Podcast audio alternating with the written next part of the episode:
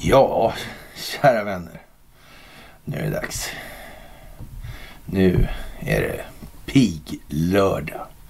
Fantastiskt. Vilken vecka. Helt otroligt. Det händer grejer. Det händer grejer. Alla kan se. Optiken är vad den är. Den ger snart inget mer utrymme alls för eh, särskilt fria tolkningar. Det handlar om det största folkbildningsprojektet i mänsklighetens historia. Det handlar om en amerikansk stingoperation. Det handlar om människors medvetna medvetande. Det handlar om människors förmåga att ifrågasätta sina egna känslogrundande värderingar. Vi skriver den eh, 6 juli 2022 och den här piglördagen som andra är det då dags för ett eh, onsdagsmys. Ja, det kan ju vara bra att ha så här. Och som vanligt, det största tack. Verkligen. Det ni gör är vad det här handlar om. Det är den förändring vi vill se i vår omvärld. Tack för gåvor på Swish och Patreon. Tack för att ni fördjupar er på karlnorberg.se och tack för att ni följer Telegramtjänsten och att ni som alltid sprider och delar de här underkanalerna som vi har nu knutit till oss i det här. Det är fantastiskt. Det är Cornelia, det är Greberg, det är Martin Stensö, det är Dagbladet, det är Bladet. Ja, det är otroligt bra. Fantastiskt, fantastiskt, fantastiskt. Det går som på räls. Koordinationen med amerikanerna går bra naturligtvis. Vi håller oss i jämn takt efter vad som förväntar, förväntas av oss nu. Och eh, det är tider att minnas. Vi kommer att minnas den här tiden med glädje. Det kommer att vara någonting som var helt fantastiskt att se tillbaka på. Otroligt. Jättebra.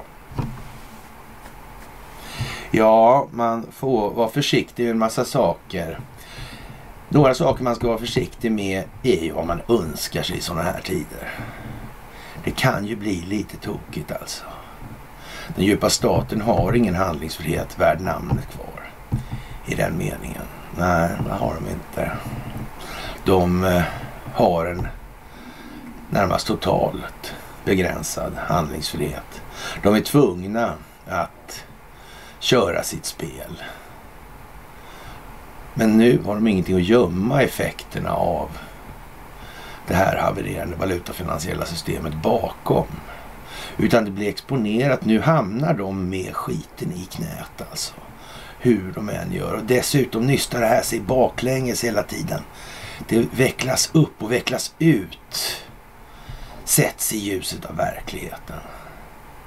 Det blir allt mer uppenbart. Det blir allt mer pinsamt. Det blir allt mer besvärande för den djupa statens paladiner. Och eh, det här har pågått länge. Vi har tjatat om det väldigt länge, helt enkelt. Den djupa statens roll är otroligt djup i det globala samhället. Det är helt otroligt att se hur stort det här är. Och då har vi ändå inte sett allt på långa vägar. Det kommer att bli mycket, mycket värre. Det kommer att bli en tid vi aldrig ens kommer att kunna glömma. Och eh, vi kan väl eh, säga först och sist att de här neutrala länderna har ju en rätt så säregen roll i den här politiska kulissbildningen alltså. Det har ju varit så. Alltså den här eh, historien efter Napoleonkrigen där. Mm, efter man hade infört de högsta domstolarna i Sverige och USA där. Ja, det var ju liksom lite annorlunda det här helt enkelt. Mm, Schweiz fick en roll och Sverige fick en roll. San Marino fick också en roll alltså. Se där, ja, se där, ja. Det var konstigt det där. Det var ju det. Mm. Jag vet inte om man ska glömma det där riktigt. Tror inte det. Det kan vara bra att minnas. Verkligt bra att minnas alltså. Ja, vad ska vi säga? Det här med Schweiz roll i det här och vad kan den komma så innebära i sin förlängning? Vad sa Gaddafi för något? Det var, det var inget land det där, så han sa något annat det var något annat. Ja, det var en gangsterliga sa han. Ja, ja, det var ju så. Mm. Ja, med Schweiz, ja, var inte Annika Falkengren där en sväng? Ja, det var hon va? Och, och Schweiz, de eh, motsätter sig lite grann det här kravet från Ukraina med att man ska då liksom beslagta ryska tillgångar investerade i återuppbyggnaden av Ukraina. Det konstiga eh, Ukraina där alltså. Som är liksom själva sinnebilden av en failed state alltså. Som har en korruption som är så... Ja. Top to bottom att det liknar ingenting för fisken ruttnar ju från huvudet och ner. Alltså där är det rakt av. Man säljer ju de här vapnen redan på någonting som kallas dark net. Jaha. Vilket namnval. titta inte här, titta inte här, titta inte. Nej, nej, okej. nej. Ja. Mm. Undrar vem det är som har startat det där. Mm. Undrar varför. Mm. Mm. Ja, det vet man ju inte. Ja, det där är mycket med det här alltså. Ja, Annika Falkengren född eh, eller 12 april 62 då i Bangkok i Thailand. Hon hette Bolin tidigare då. Men vid tidpunkten folkbokförd i Storkyrkoförsamlingen i Stockholm med en svensk bankkvinna eller bankman. Då. Hon är delägare i den schweiziska privatbanken Lombard Odier. Alltså hon tillhör inte längre Wallenbergsfären alltså. Mm. Kan vara som det med det kanske. Eller så. Ja, hon började sin karriär 87 på Skandinaviska Enskilda Banken där hon avancerade slutligen till VD och koncernchef 2005.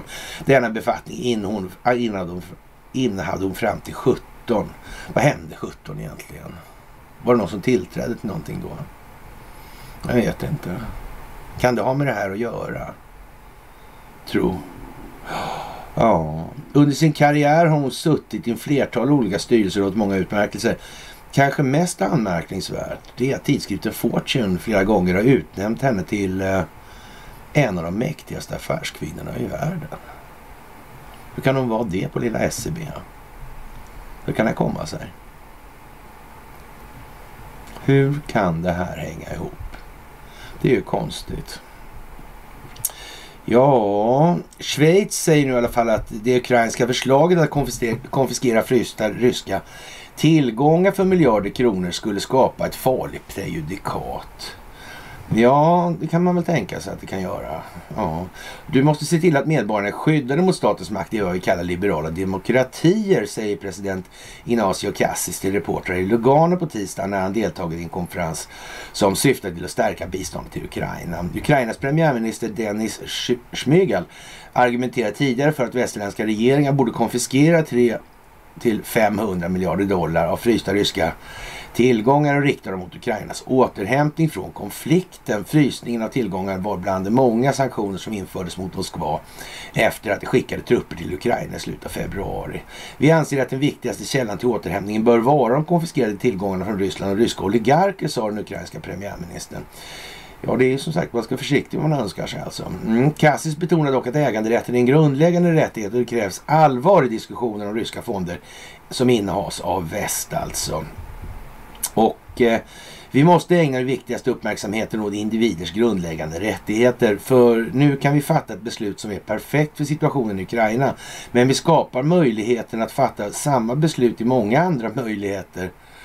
Och du ger mycket mer makt till staterna bort från medborgarna i det här alltså. Mm.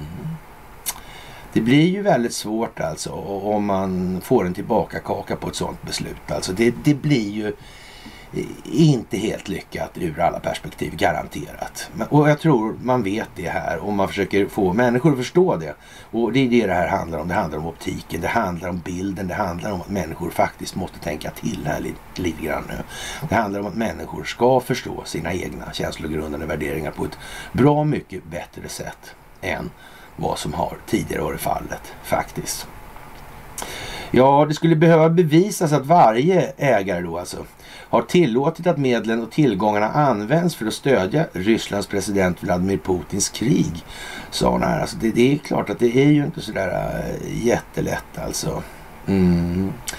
Ja, det, det, egendomsrätten garanteras enligt den svenska konstitutionen. konstitutionen. Och Monica Roth, juridikprofessor vid Luzern universitetet of Applied Sciences and Arts sa till den svenska tv-kanalen SRF att landet inte hade de nödvändiga lagarna för att anta en generell konfiskering eller konfiskation då av ryska medel och att Ukrainas förslag skulle bli svårt att genomföra. Alltså, och, och, det är ju lite speciellt det här. Mm. Det är nästan som man anar att som man ropar får man svar alltså. Kan det vara tanken rent ut sagt alltså? Kan de vara så inspelade? Kan de vara så tvungna, tvingade att agera på ett sätt, alltså så utspelade? Hur länge har det här varit planerat egentligen? Ja, som sagt, hur länge har det här varit planerat? Vi har ju sagt så här att i och med införandet av BIS, alltså 1931, så måste i alla fall de som motverkar den djupa staten ha förstått att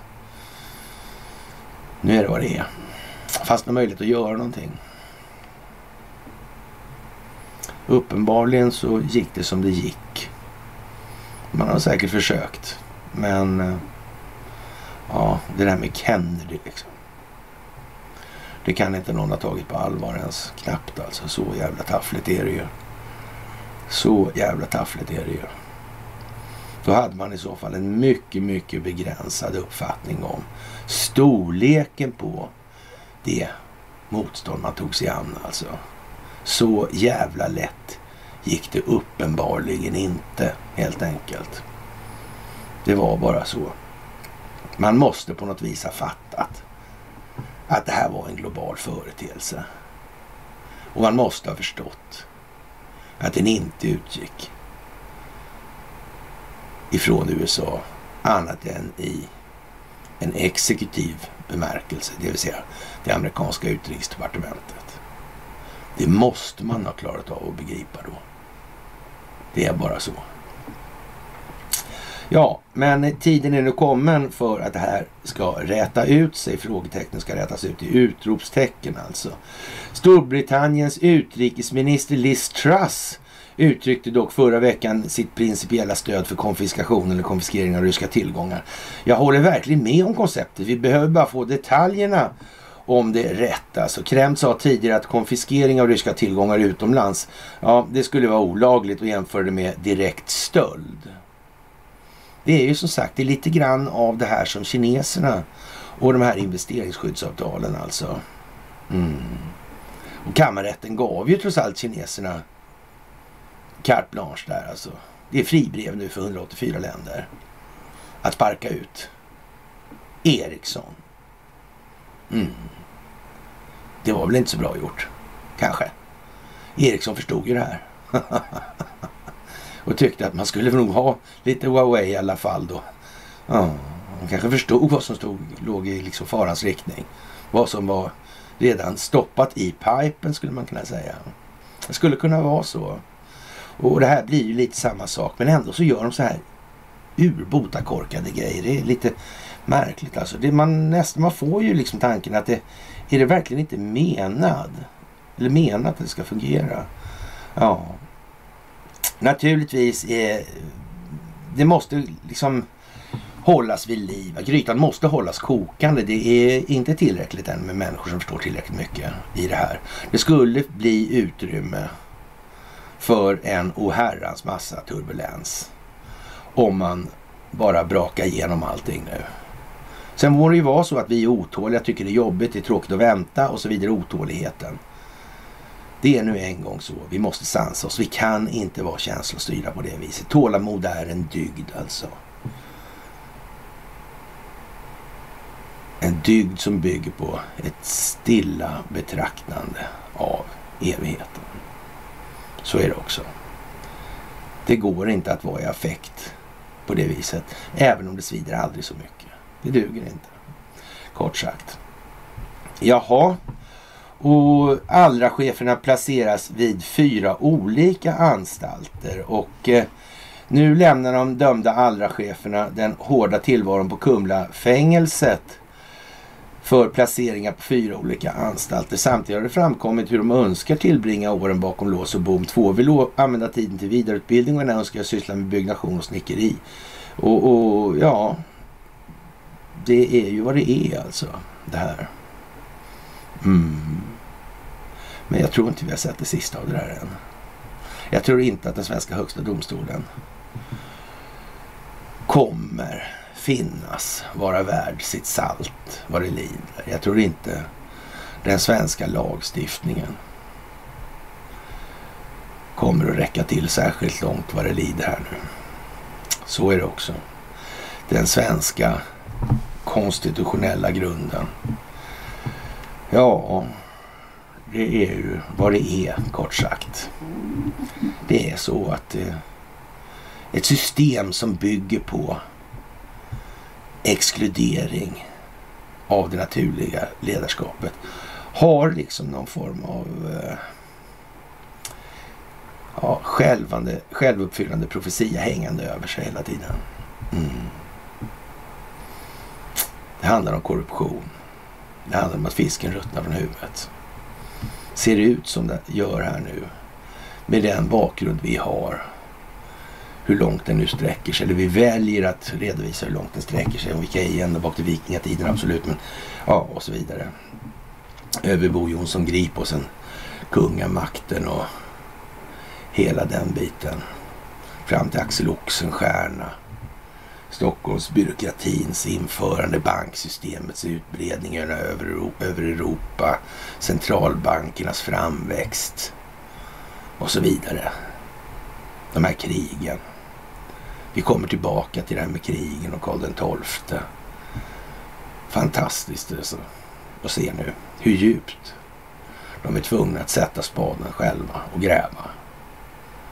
Normalt sett är det inte så många som har varit intresserade av Karl XII i det här landet utom så att säga folk som vistas på fritiden på helikopterplattan med Gamla stan där. Som fanns förr i alla fall. Mm. Med så att säga en rätt så kortklippt frisyr. Mm. I övrigt så har det liksom inte varit... Och det är trots allt i hjältekonungen, sagornas man alltså. Mm. Han visar sig snarare vara någon form av billig marionett, marionett åt bankmakten trots allt alltså. Rena rama Mannerheim-fasonerna. Det där är konstigt. Alltså, folk vill inte acceptera det här. Alltså, det spelar ingen roll hur mycket bilder och inspelningar det finns på Mannerheim och Hitler och, ja, och, ja, Gertrud Wallenberg där. Och han var aldrig gift med henne. Nej, var han, var han inte det? Nej, men då så, då är saken klar. Då fanns det inte Stella Polaris. Jo, men det var känt länge. Det har ryssarna också fått. Jaha, så det var ingen handel med de här underrättelsetjänstuppgifterna alltså.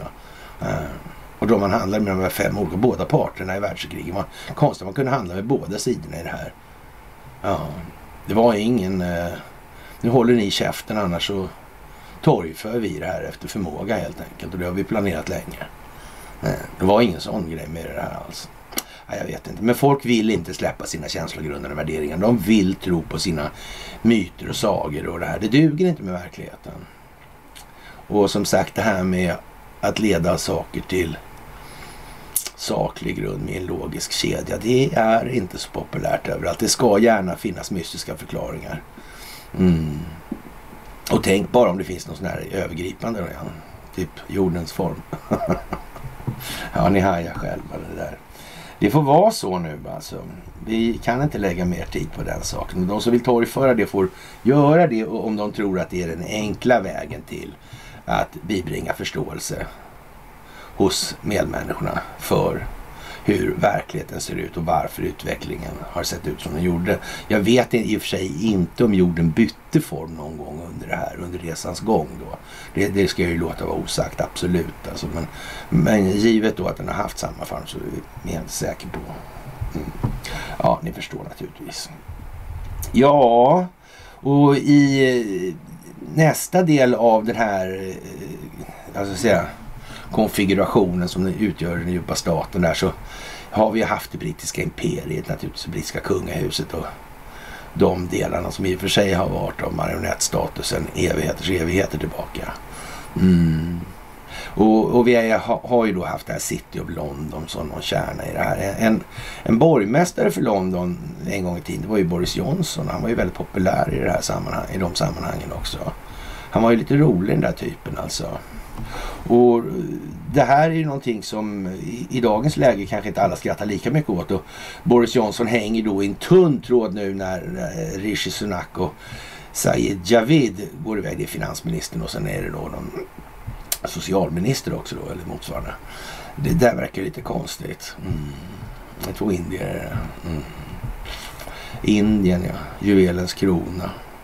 Eh, tillika det land där Ericsson har flest anställda på planeten. Jag vet inte. Vad vet jag? Vad vet jag? Ja, det kanske, jag vet inte. Det där är mycket konstigt. Men den här Boris Johnson är ju en konstig figur alltså. Lite grann sådär. Lite eh, eljest alltså. Mycket speciell. Talar väldigt många språk, sex stycken eller sådär flytande. Och, och så kan recitera Iliaden och Odysseen. Pratar så konstigt språk som turkiska till och med. Jag vet inte. Spelar någon roll kanske. Hans fullständiga namn i alla fall det är Alexander Boris de Pfeffel Johnson. Alltså. Hans mormor Yvonne Eileen Williams var ett barnbarnsbarn till Caroline de Pfeffel som i sin tur var en oäkta dotter till prins Paul av Württemberg. Eh, en eh, trumvirvel. Tada! En tysk. Ja. Eh, det verkar numera som alla de här ganska speciella ledarna då har eh, i, idag alltså har någon form av rötter då i Tyskland på något sätt eller vis eller jag vet inte. Eh, vem påminner det här om egentligen? Eh, Medelisen har också så här konstig, lite rolig frisyr alltså förresten och, och, och, och, nästan, han är lite mer orange hår kanske då. Jag kan inte komma på namnen nu men Drumpf kanske det var. Eller var det inte så? Tro, nej jag vet inte. Eller, Ja, ja, men Londons gator också. Jag vet inte. Trumf i tid och jag vet inte. Det kan vara sånt där. Ja. ja. Eh, på något sätt alarmerande ändå, eller hur? Så kan det vara så här. Mm. Det är lite... Ja... Kanske ironiskt nästan alltså. På så vis alltså. Ja, för vad det är värt hur som helst då, så, så var den tyske prinsen en direkt ättling till kung George den andre då för de som är oroliga för att anglofilin skulle vara på utdöende då sådär så. Ja, ja. På tal om familjeband i alla fall. Boris och tidigare premiärminister David Cameron är åttondels kusiner alltså. Och Cameron det är han med, med eh, ja, gris, kuken i grisbilden, eller kuken i grisen där i alla fall. Och, och sådana här prylar va. Och det där är ju lite speciellt alltså. Det ska man väl tänka. Så är det. Ja. Det var en speciell skolgång verkar det som i alla fall. Ja, år 2008 var Boris tvungen att dela ut ett cigarrfodral som han hade hittat där. Och liksom något konstigt, han gjorde någon nummer av det där på något vis. Och fem år tidigare i skräpet av ett hus i Bagdad efter det hade bombats då i Irakkriget. De där konstiga bombningarna i Irak alltså. Ja. Det här var ju märkligt alltså. Mm. Huset tillhörde Tariq Aziz, en nära rådgivare till Saddam Hussein. Eh, och det förblir faktiskt oklart ännu till denna dag. Alltså, eh, vad gjorde Bojo där alltså, när han hittade det liksom, cigarrfodralet? Vad gjorde han? Eller, kanske det var något i cigarrfodralet? Eller hur var det där? Hur kan det ha varit? Jag vet inte. Ja, det är mycket märkligt. Lite oklart faktiskt som man säger. Alltså. Eh, Boris föddes i New York hur som helst i Amerikas förenta stater och därmed skulle han kunna kvalificera sig rent tekniskt då för att kandidera till presidentposten i USA. Och, och, och, och snälla Boris, gör inte det. Alltså gör inte det. Vi, vi vill ju ha underlivsporslinet alltså. Det, det, det vore ju dumt alltså. Ja. Han är ju den finaste residenten som amerikanska, de amerikanska förenta staterna någonsin har haft. Konkurrensen är möjligtvis inte benhårda där om det, just det, den eh, titeln. Alltså det kan ju möjligtvis vara så att det inte har funnits just så många residenter tidigare. Alltså som enkom har residerat så att säga och sprungit och lallat för ja, lallandets skull helt enkelt. Men nu behövs det ordentligt med lallande i folkbildningsprojektet för att folk ska förstå vad det här egentligen är och vad det går ut på egentligen. Ens. Ja, och eh, det där är ju... Det blir lite läskigt nästan nu alltså. Eller kanske inte. Ja, det blir bara bättre alltså. Bättre och bättre dag för dag, ska man säga som svensk då. Bojo har alltid drömt om att ha en perfekt tvilling och deltog i ett hemligt, hemligt kloningsprojekt eller program. Eh, det måste vara, det, och det lär ska ha varit anslutet då till gensaxfabriken i, eh, ja, om man nu väljer att kalla då eh, IG Farbes stilla lilla anläggning som pysslar med det. Eller om man var i Umeå. Det framstår som oklart i alla fall. Ja, skämt åsido alltså. Det är skoj alltså. Mm. Och, men då, nu finns det ju två av dem i alla fall fortfarande alltså. Och, och kompisen hans fråga, i fråga är hans pappa Stanley Johnson. Då. Även om denna uppenbarligen har vidarebefordrat sin frisyr till Boris delar de inte nödvändigtvis åsikter i allting då. Och särskilt inte europeiska frågor. Stanley har inte bara arbetar för EU-kommissionen, han är fortfarande emot Brexit och särskilt av miljöskäl dessutom. Vilken tyngd i argumentet alltså. Och, och, när det gäller miljöskälen och det här, då vet vi ju till exempel att World Wildlife Foundation är grundad av brittiska kungahuset. Det verkar liksom att miljörörelsen har en del grejer att ta tag i faktiskt. Kan det vara så jävligt alltså? Jag vet inte, jag är inte helt säker på det. Men, men jag misstänker, jag har mina misstankar i alla fall. Ja, Stanley Johnson uttrycker sig om, Boris Johnsons, eh, ja vad ska vi säga, eh, känslogrunder och värderingar egentligen, skulle vi kunna kalla det för. Så eh, hans fel om Brexit, Boris fel om Brexit, alltså är, är, är, bra för miljön och för några veckor sedan lanserade jag och Baroness, jag här var etagen alltså, Baroness Young miljöaktivister för Europa under Europarörelsens beskydd. Eh, ja, som sagt.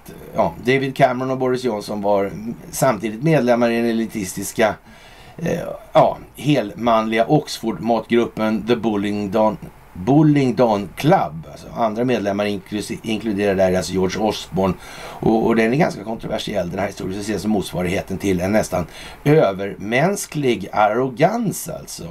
Och det har till och med inspirerat till filmer och sådär.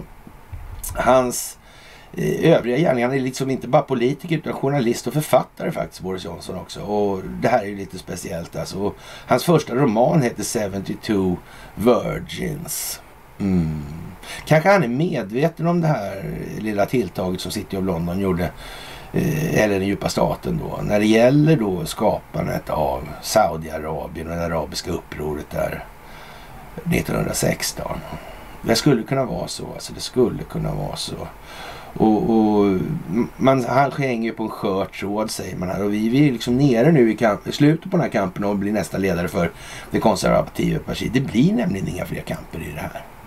Det är nämligen slut nu med hela den grejen. Och eh, ett av de kanske mest överraskande avslöjandena för många kom alltså när Johnson tog upp sin muslimska farfars far alltså och sa att han kom till Storbritannien för det var, eh, var ledstjärna för generositet och öppenhet. Och att det var City med vänner som skapade situationen med arabiska upproret 16, eh, det var nog inte allom bekant på den tiden. Och, eftersom Boris vet hur man ska spela för, för, att vinna då så blev det ju lite som det blev såklart. Det måste bli så här. Ja, och att han, den där eh, Trump, eller vad han heter, Eh, eh, tycker att han verkar vara en sån figur. Det kan man nästan förstå alltså. Så, ja.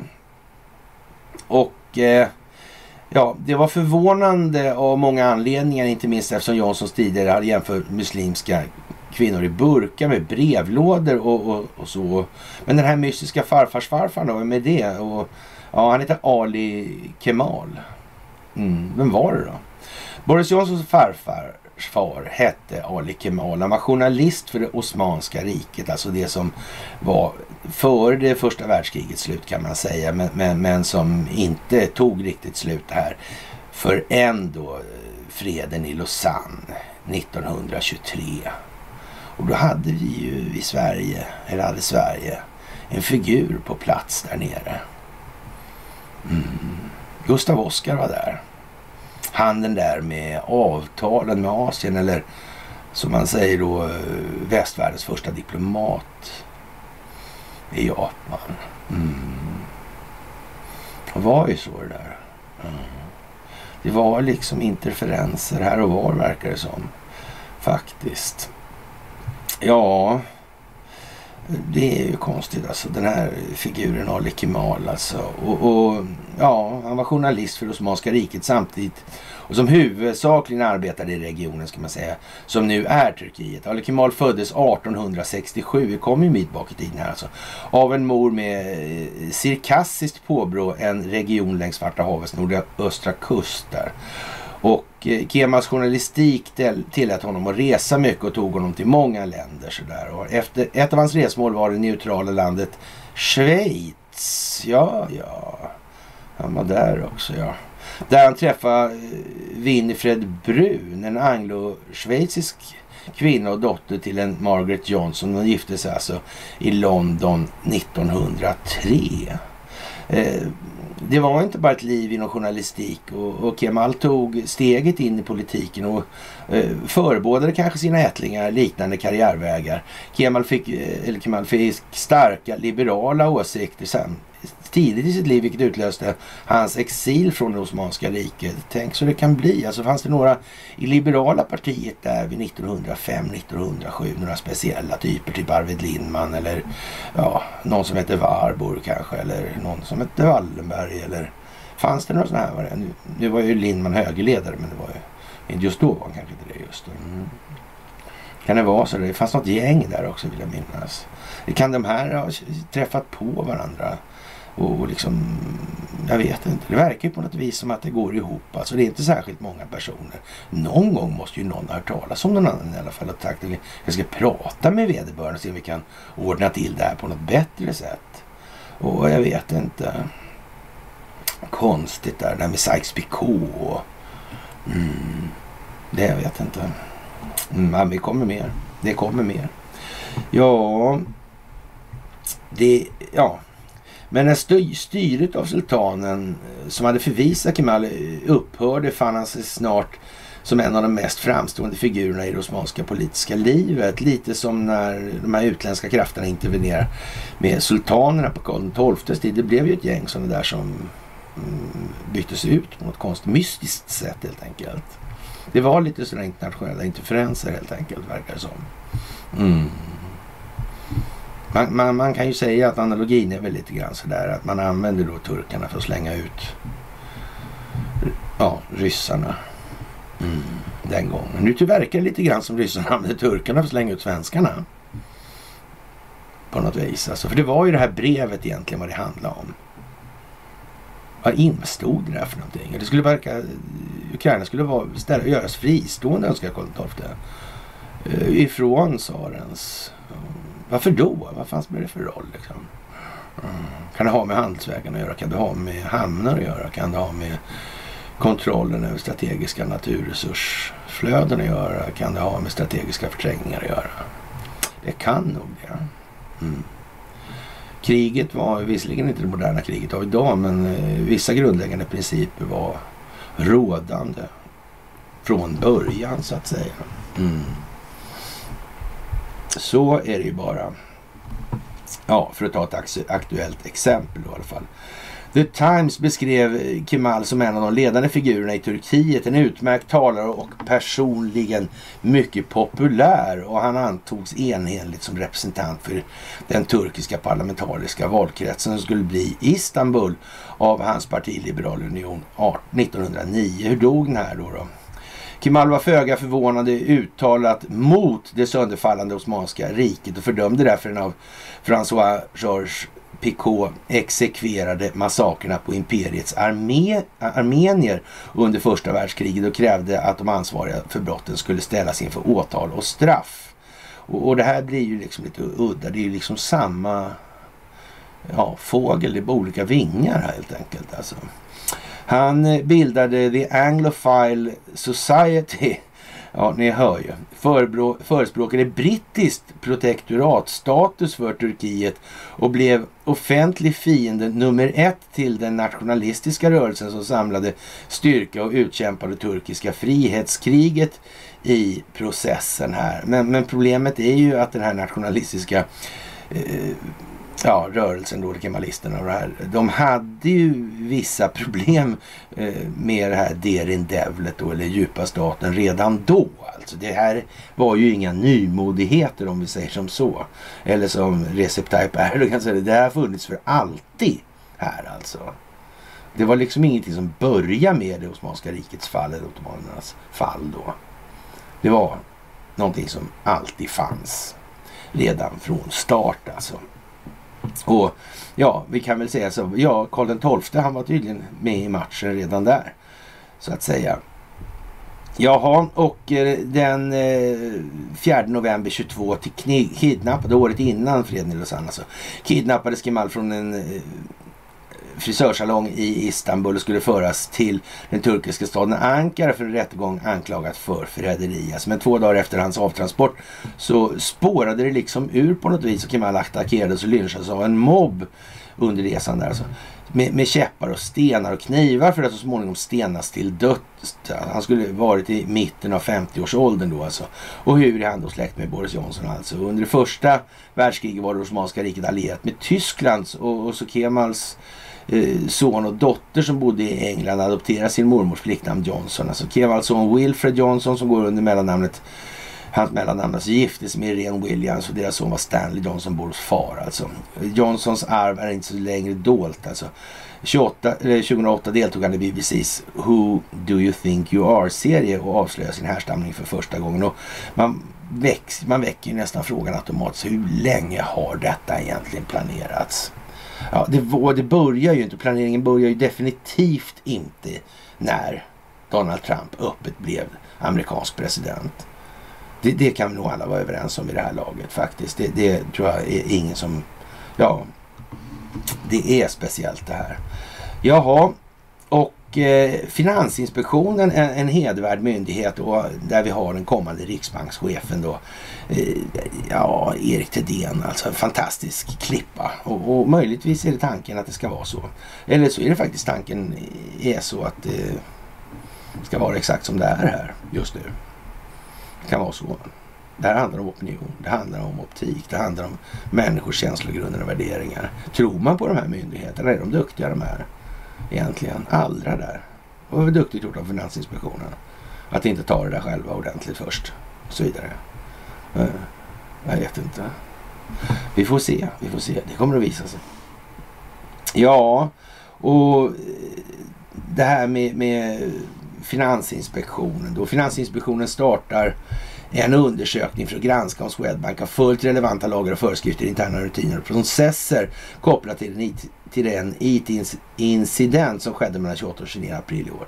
Det var natten mellan 28 och 29 april som eh, det skedde en IT-incident hos Swedbank. Och det här medförde felaktiga saldon på kunders konton, i de flesta fall minusbelopp alltså. Är inte det konstigt? Man, man kan ju säga att det, det ja. Tänk om det hade varit plusbelopp. ja. Ja, då hade alla förbannat att de inte hade konto på. De ville ju inte ha rusning till Swedbank. Det var inte det det här gick ut på alltså. Ja, ja, ja, ja, ja.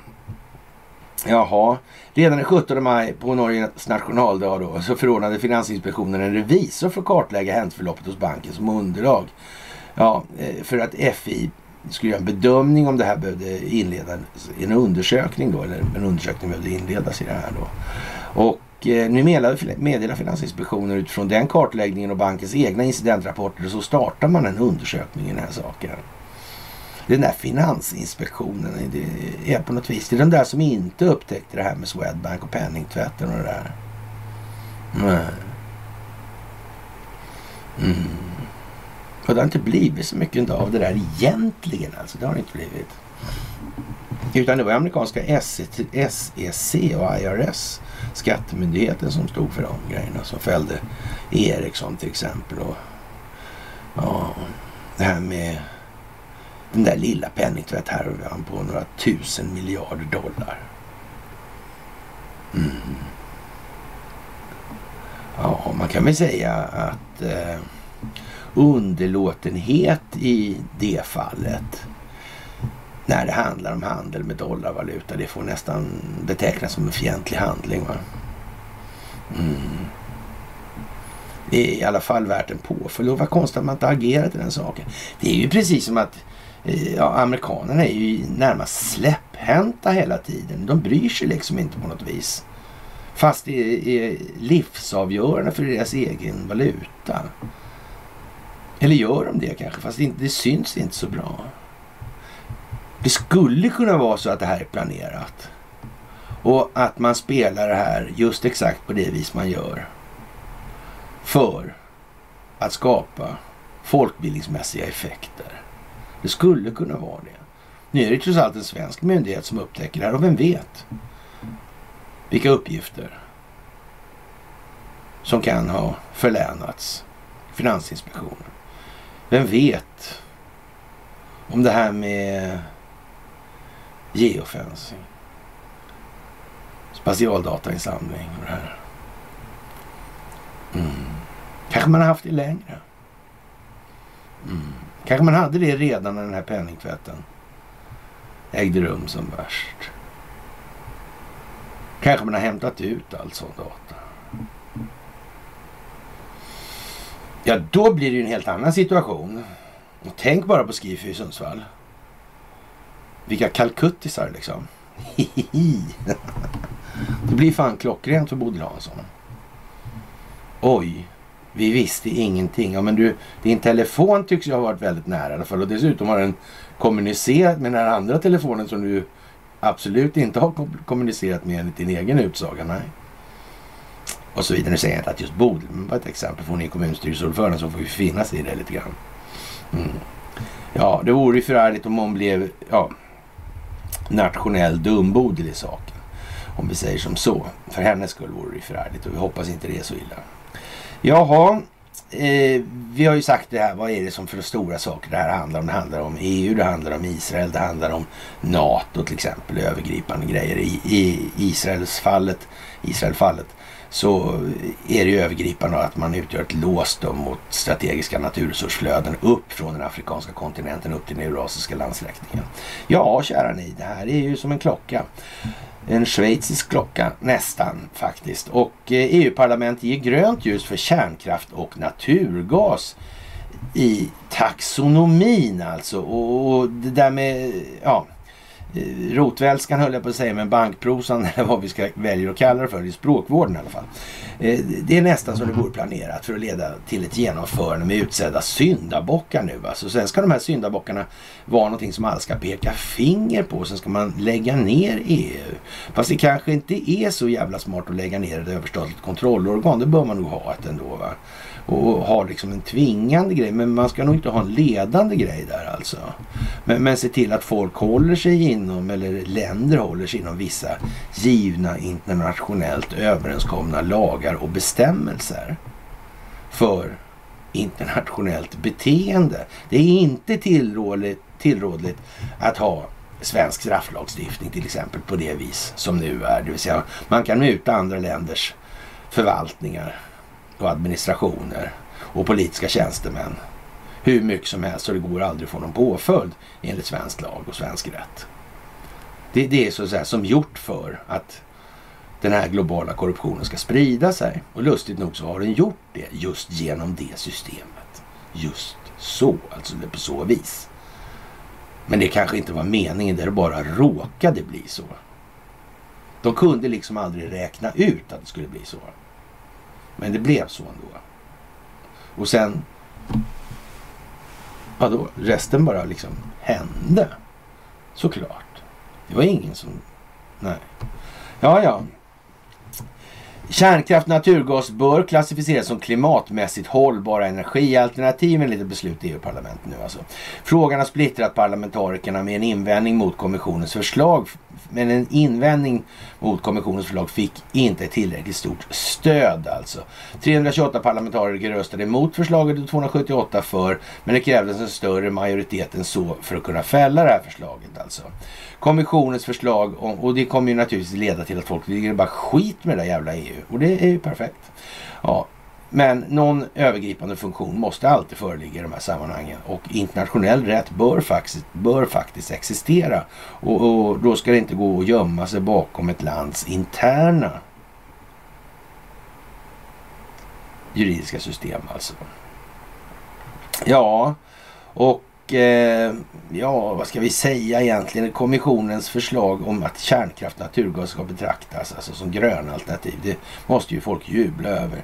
Och när EU-kommissionen i, i vintras föreslog att investeringar i både kärnkraft och naturgas borde kunna klassas som gröna inleddes en bister kamp både mellan i och mellan olika medlemsländer och politiska partigrupper i den saken. Framförallt från miljöhåll har kritiken varit besk.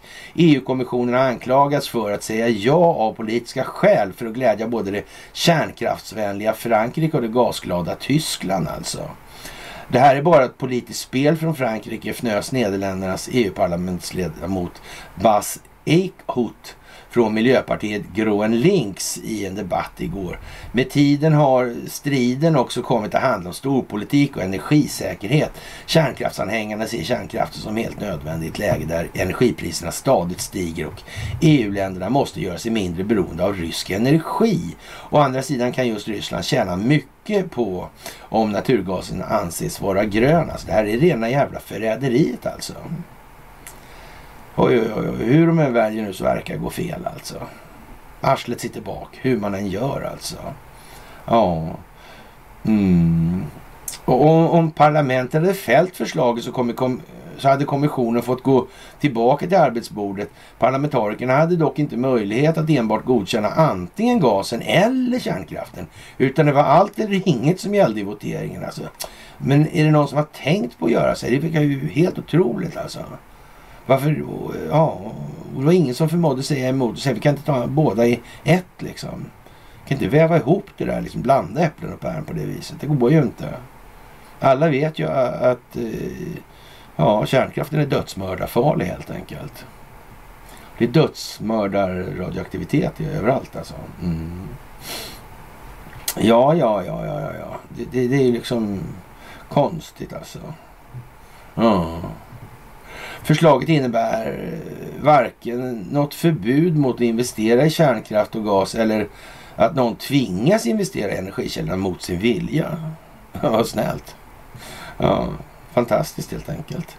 Motståndarna anser dock att själva taxonomisystemet riskerar att bli värdelöst om investerare drar sig för att använda det. Och, och, och, och det ses som ovetenskapligt. Okay? Den här vetenskapen verkar vara en speciell grej. Liksom lite religiös nästan. va? Det är lite grann som Gunnar Alva där. The Negro Project och sådana här grejer. Mm, Planned Parenthood. Rasideologi eller? Mm. Det är vetenskap. Väldigt. ja, ja. Eller geschäft kanske, jag vet inte. Anhängarna i sin tur oroliga för att ett nej nu försenar eller rent av stoppar nödvändiga investeringar i branschen. Ja, det vore ju för jävligt om egennyttan fick kom, eller tvingades komma på skam i något enda avseende här. Det är ju lite speciellt alltså. Och eh, som sagt, eh, konsekvenserna av det havererande valutafinansiella systemet ser man nu rakt ut alltså. Det räcker alltså. Det blev inga eh, pandemier så vidare. Inga krig, inga katastrofer, ingen migration och så vidare.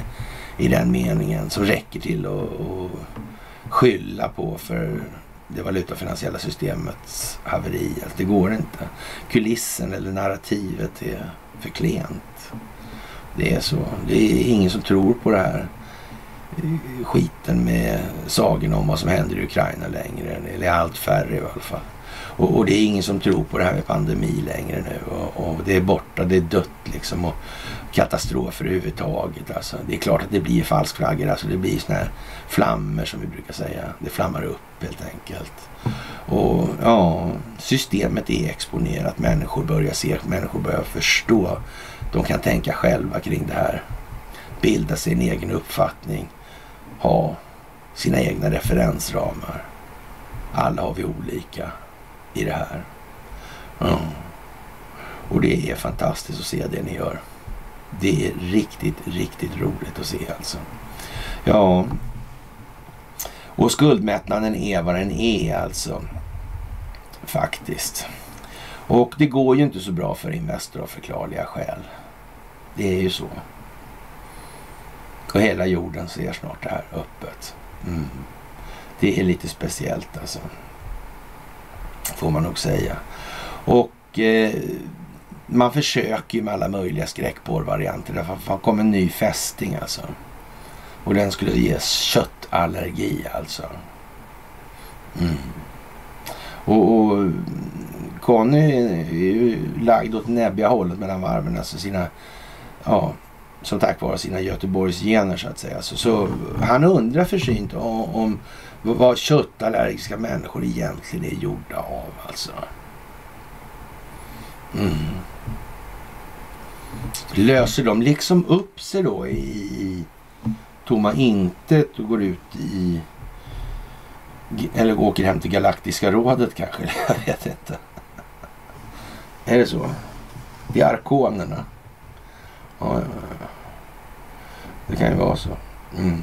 Det spelar ingen roll med den saken. Det kanske finns sånt. Men, men vi, vi, vi håller oss lite mer på den nivån där vi så att säga kan föra resonemangen i logiska kedjor till saklig grund. Det är enklast så. Vi står säkert så då i alla fall. Det är ingenting som kommer förändras utifrån det alltså. Nej. Däremot om det inte skulle visa sig att Galaktiska rådet kommer med räddningen eller att ja, jorden råkar en annan form än vad man tror. Liksom så. Ja, ja. Det är som det är helt enkelt. Ankara skickade en skriftlig begäran till Sverige och Finland om att utlämna medlemmar av PKK och FETO, och Gulen-rörelsen, som förbjuder i Turkiet enligt det turkiska justitiedepartementet alltså. Och, och ja, har gjort det nu alltså. Mm. Det är speciellt alltså, får man säga. Det är speciellt. Det här med terrorister är underligt. Ja, det, det kan man säga alltså. Mm. Jag vet inte. Det är lite sådär speciellt. Alltså, man får inte filma polishus. Alltså. Det är liksom precis som vore ett skyddsobjekt. Alltså. Mm. Det ska hållas skilt ifrån allmän kännedom på något vis. Det duger inte alltså med ljuset från verkligheten. Mm. Och, och, det beror på att det är så mycket ondsinta människor i samhället. Och då kan man ju säga så här, men då måste väl ändå polisen ha gjort ett lite misslyckat jobb i alla fall. Om det kryllar så mycket att man inte ens kan filma polishuset. Eller? Nej, jag vet ju inte. Alltså, jag bara tycker att det verkar lite märkligt sådär alltså. Kanske. Ja. Som sagt, en 32-årig man åtalas vid Södertörns tingsrätt för olovlig avbildning av skyddsobjekt. Vi kommer till det där med Södertörns tingsrätt som tidigare var Handens tingsrätt. Och, och eh, hur, vad, vad berodde den där flytten på egentligen? Egentligen, egentligen. Hade den kanske till och med kopplingar till eh, Estonia och sånt alltså. Mm. Fanns det någon figur som mm, kopplad mittemellan där alltså? Och man drog på sig när så, att han var liksom värsta underrättelsesnubben också dessutom. Oj, oj, oj. Mossad till och med. Va? Ja, ja. Ja, ja, vi får väl se. Vad var det Benjamin Netanyahu sa? Där hade djupa staten alltid styrt så var det va? Ja, ja, ja, ja, ja, ja. Det där är ju lite udda kanske sådär och, och, och jag vet inte. Eh, det finns ju många växlar att dra på det här nu. Mm. Södertörns högskola, jävla snygg anrättning också. Ja, på tal om otur då. då SAS-strejken kan växa. 200 flygmekaniker nu också planerar sympatistrejk alltså. I, sam I samband med att den här piloterna strejkar. Vilket jävla oflyt. Vilket jävla oflyt. Mm. Inte koordinerad alls. Nej. SAS ja. Vad fan äger det? Mm. Mm. Ja, ja. Ja men så alltså. Mm. Ja man får tänka till lite här alltså. det är personalbrist alltså det här handlar om. Och, och ja, konstigt alltså. Hur har det blivit så egentligen att de här ska ha så hög lön? Alltså det var ju inte så förr. Ja, det hände någonting, jag vet inte. Mm. Men undrar om det inte de som, någon som styr det där skulle kunna påverka de här på något vis. Fackföreningarna då naturligtvis också. Kan det vara så? Ja, jag vet ju inte, men det skulle kunna vara så i alla fall. Ja, vi får väl se. Det här med diktaturer i förhållande till terrorism. Det, det, är ju en mycket, mycket märklig företeelse. Det måste man faktiskt säga. Ja, man, man kan ju säga en massa saker alltså i det sammanhanget. Och man får nästan lite hicka när man ser det här, hur det här används egentligen. Och jag tror att vi med fördel kan tänka efter lite där. De här de kommer ju alltid väldigt lustigt och lämpligt de här i tiden också. Och vem är det som skapar diktaturer? Och vem skapar terrorism alltså? Egentligen alltså. Mm. Det är ju konstigt. Det här med diktaturer också. Det är diktat. I, i demokratier kallade lagar. Det är ju väldigt märkligt. Så man hade då världens bästa diktat alltså. Det bästa som bara, man hade en kvantdator helt enkelt som räknade efter det allra bästa hela tiden. Mm. Så är eh, de diktaten måste man förkasta i förhållande till rätt så värdelösa grejer. Som kommer ur att alla får pladdra hur mycket de vill. Och, och siste man får leda. Det viktiga är att alla ska få prata. Mm. Det, det, det börjar här någonstans liksom. Ja, visst alla ska ju få säga yttrandefriheten ska ju få finnas men man, man, behöver ju liksom inte ta hänsyn till rent idiotiska grejer för det, som inte absolut inte är bäst för alla. Det är ju bara så. Och det måste man acceptera här nu. Och om man tittar på den här grejen med terrorism då till exempel så är det ju väldigt speciellt och den är inte juridiskt definierad i alla jurisdiktioner på jorden. Precis. De, de här stadgar som finns i de här sammanhangen har i allmänhet och vissa gemensamma inslag eller drag då ska man väl snarare säga. Terrorism involverar användning om hot, av, eller hot om våld och försöker skapa rädsla alltså. Och inte bara hos de direkta offren utan bland en bred publik alltså. Och den grad i vilken den förlitar sig på rädsla skiljer terrorism från både konventionell krigföring och gerillakrigföring. Även om konventionella militära styrkor undantagslöst engagerar sig i psykologisk krigföring mot fienden då, och så sa vi en liten parentes här då, då eller inom citationstecken, men naturligtvis främst mot den egna befolkningen genom inhemska opinionsbildningsinsatser. Men där har ni klart för vad medierna har för roll i samhället. Därför har man inte stöd hemma, då kan man inte göra någonting någon annanstans om man säger som så. Och är deras främsta medel för seger reguljär styrka i vapen. Det är ju vad som folk sinnet då utgör själva sinnebilden alltså av vad reguljär militär är för någonting. Alltså. Det, det är liksom eh, ja, deras främsta medel för seger, reguljär styrka i vapen alltså. På samma sätt siktar gerillastyrkor som ofta är beroende av terrordåd och andra former av propaganda på militär seger och kan till synes därför eh, lyckas ibland till exempel i Vietkong eller Vietnam och, och Röda khmererna. Och, och, men då ska man väl lägga till där, det är ju ur det perspektivet man ska tänka sig så här att eh, det är mycket av de här sakerna som får en li, hamnar i ett lite annat ljus av verkligheten då när, när man konstaterar att Vietkong hade kryptografmaskiner och kunde lyssna av amerikanerna hela tiden, deras krypterade sändningar och visste hela tiden i, i realtid vilka signalmeddelanden som gick och så vidare. Det blir lite svårt med det här helt enkelt. Det håller inte riktigt streck sådär. Ja, faktiskt. Eh, ja, Tråkig historia det här. Egen terrorism är alltså den kalkylerade användningen av våld för att skapa rädsla och, och därmed för att uppnå politiska mål när direkt militär seger inte är möjlig. Och, och det kan man ju säga så här att en, en, direkt militär seger är ju inte möjlig i den meningen mot den egna befolkningen. Det är ju liksom inte det. Så enkelt är det. Och det får man fundera på varför det är så.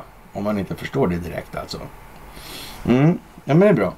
Detta har fått vissa samhällsvetare att hänvisa till gerillakrigföring som det svagas vapen och terrorism det svagaste vapen. Då.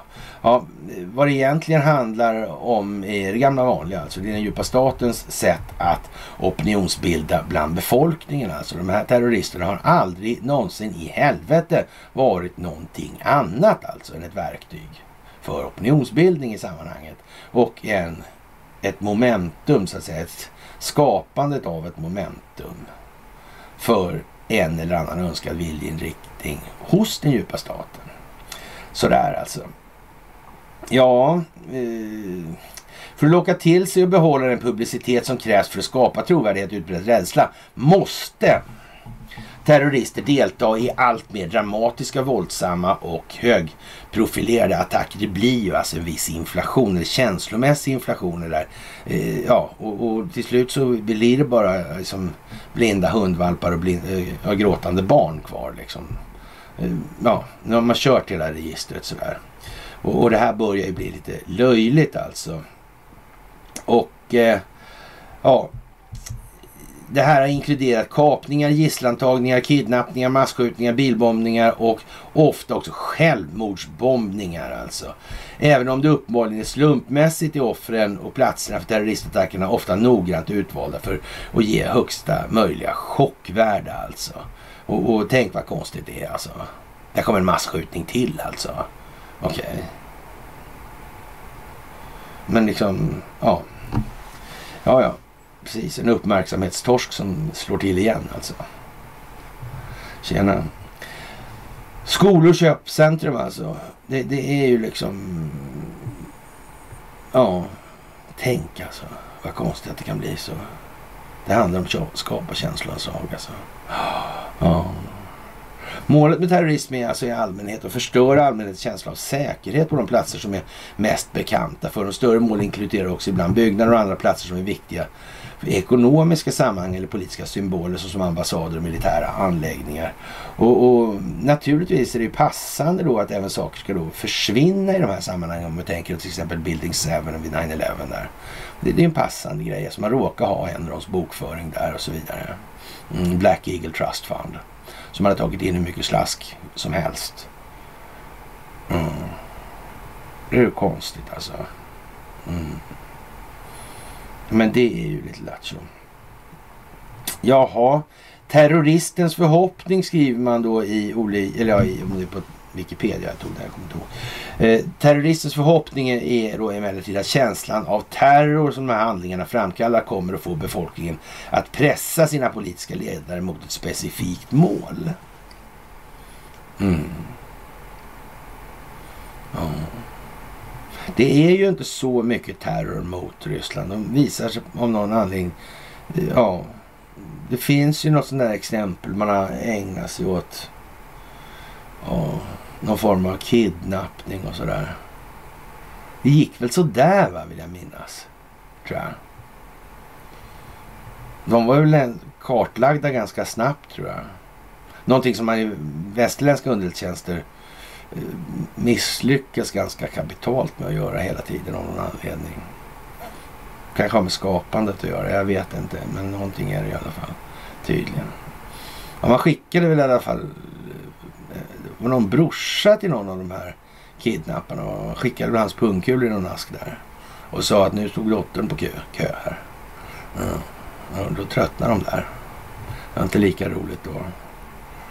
Kan det vara så att man blivit lovad att det inte skulle bli så där? Man hade folk på insidan av underrättelsetjänsterna som skulle se till att det gick som det gör i väst. Och så sket det sig alltså. Kanske kontraspionaget där som spelar en roll. Alltså han sa inte någonting om det. Han hade med Putin där som smash och det här. Mm. Men att annars hade det skitit sig med hela andra världskriget också. Kan det vara så? Man har låtit det hållas. Så kan det nog vara. Mm. För att kunna spela ut. Man har vetat hela tiden vad som skulle komma. Men man hade kunnat göra ett övergången från Sovjetunionen till en mer öppen och anpassad ekonomi. på ett annat sätt än det som nu skedde. Det hade inte varit nödvändigt egentligen med de oligarkerna och det. Så. Om det inte vore för att det var så in i helvete infiltrerat och korrumperat redan. Men det var det, så man var tvungen. Man hade inget val. Jeltsin sträckte sig bara till Putin i princip och lite till, men inte mycket. Så vitt det går att utröna i alla fall. Ja. Ja, det är ju liksom lite udda grejer nu som kommer och eh, som sagt. Eh, ja, vi har eh, sett en eh, massa olika saker hända och hur är det egentligen i Sverige här? Magdalena hon beter sig minst sagt konstigt. Hon seglar runt där på den här, eller åker ut till den här uh, marinkårsbåten alltså. Mm. Och ingen vet riktigt hur det är. verkar veta det där hur det går till alltså. Vilken sida om båten klev hon på i ett exempel. Och det beror ju på liksom, det är en statschef som kommer. Men, men enligt protokollet då, alltså utrikesdepartementets protokollavdelning alltså, så, så var det inget statsbesök. Alltså det var statsministern som var ute och åkte båt på fritiden alltså. Undrar vad gjorde Säpo då? Var de där med också eller? Mm. Ja, jag vet inte. Ja, mm, när man har stats över huven, på strömmen alltså. Ut åker båt liksom. Borde det inte vara lite som säkerhetsentourage med där då? Lite inblandat sådär. Lite planerat kanske. Mm, jag vet ju vanliga, eller så i statsbesökssammanhang så kan man säga att då, då, då är det både repetitioner och allt sånt där. Alltså det är mycket saker med det där och planeringen och så. Men här fick ju Magdalena för sig en dag, Hon ska åka ut liksom och så, äta glass och käka popcorn och sådana grejer. Trevlig resa och sen fick Kristersson stanna hemma helt enkelt. Det var så mycket kackel kring det här med adoptionscentrum och det här med Planned Parenthood på väg upp i ljuset av verkligheten. Så det passar sig ju inte riktigt nu i det här läget. Man får nästan liksom ja, lite idéer om att det här med krigslagar det måste finnas lite på tapeten. Hur är det egentligen? Hur, hur, hur resonerar Sverige i sådana sammanhang? USA har ju krigslagar alltså i sådana här sammanhang. De har ju varit exekutiv arm för den djupa staten under ja, evärdliga tider, höll jag säga. Väldigt länge. Mm. Det där är lite udda. Kan det här ha någon betydelse för svenskarna? Mm. Det här med Kastellet var skumt alltså. Mm. På alla jävla tunnlar under stan liksom. Det är också konstigt. Faktiskt. Mm. Ja, ja. Det är lite som sagt. Eh, Cornelia har gjort en eh, bra film i de här sammanhangen. Titta gärna på den om eh, ja, krigets lagar del 1 alltså. Mm. Det där ser nästan ut som en instruktion rent ut sagt alltså. Mm. Kan någon ha tänkt på det? Kan det här vara planerat? Kan det finnas exekutivorder? Kan det finnas omständigheter som är gällande en hel massa saker som folk i allmänhet inte tänker på? Och det här måste läggas upp i en viss ordning. Det måste taktas in liksom.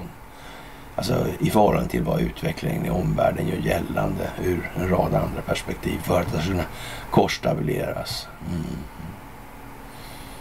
Det går inte att köra allt på en gång. Alltså det är bara... Det slår slint i huvudet på folk om man slänger allt i ansiktet på dem på en gång. Det går inte.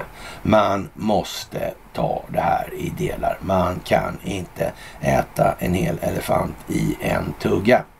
Helt enkelt. Och det kan ju vara bra att veta det i det här läget faktiskt.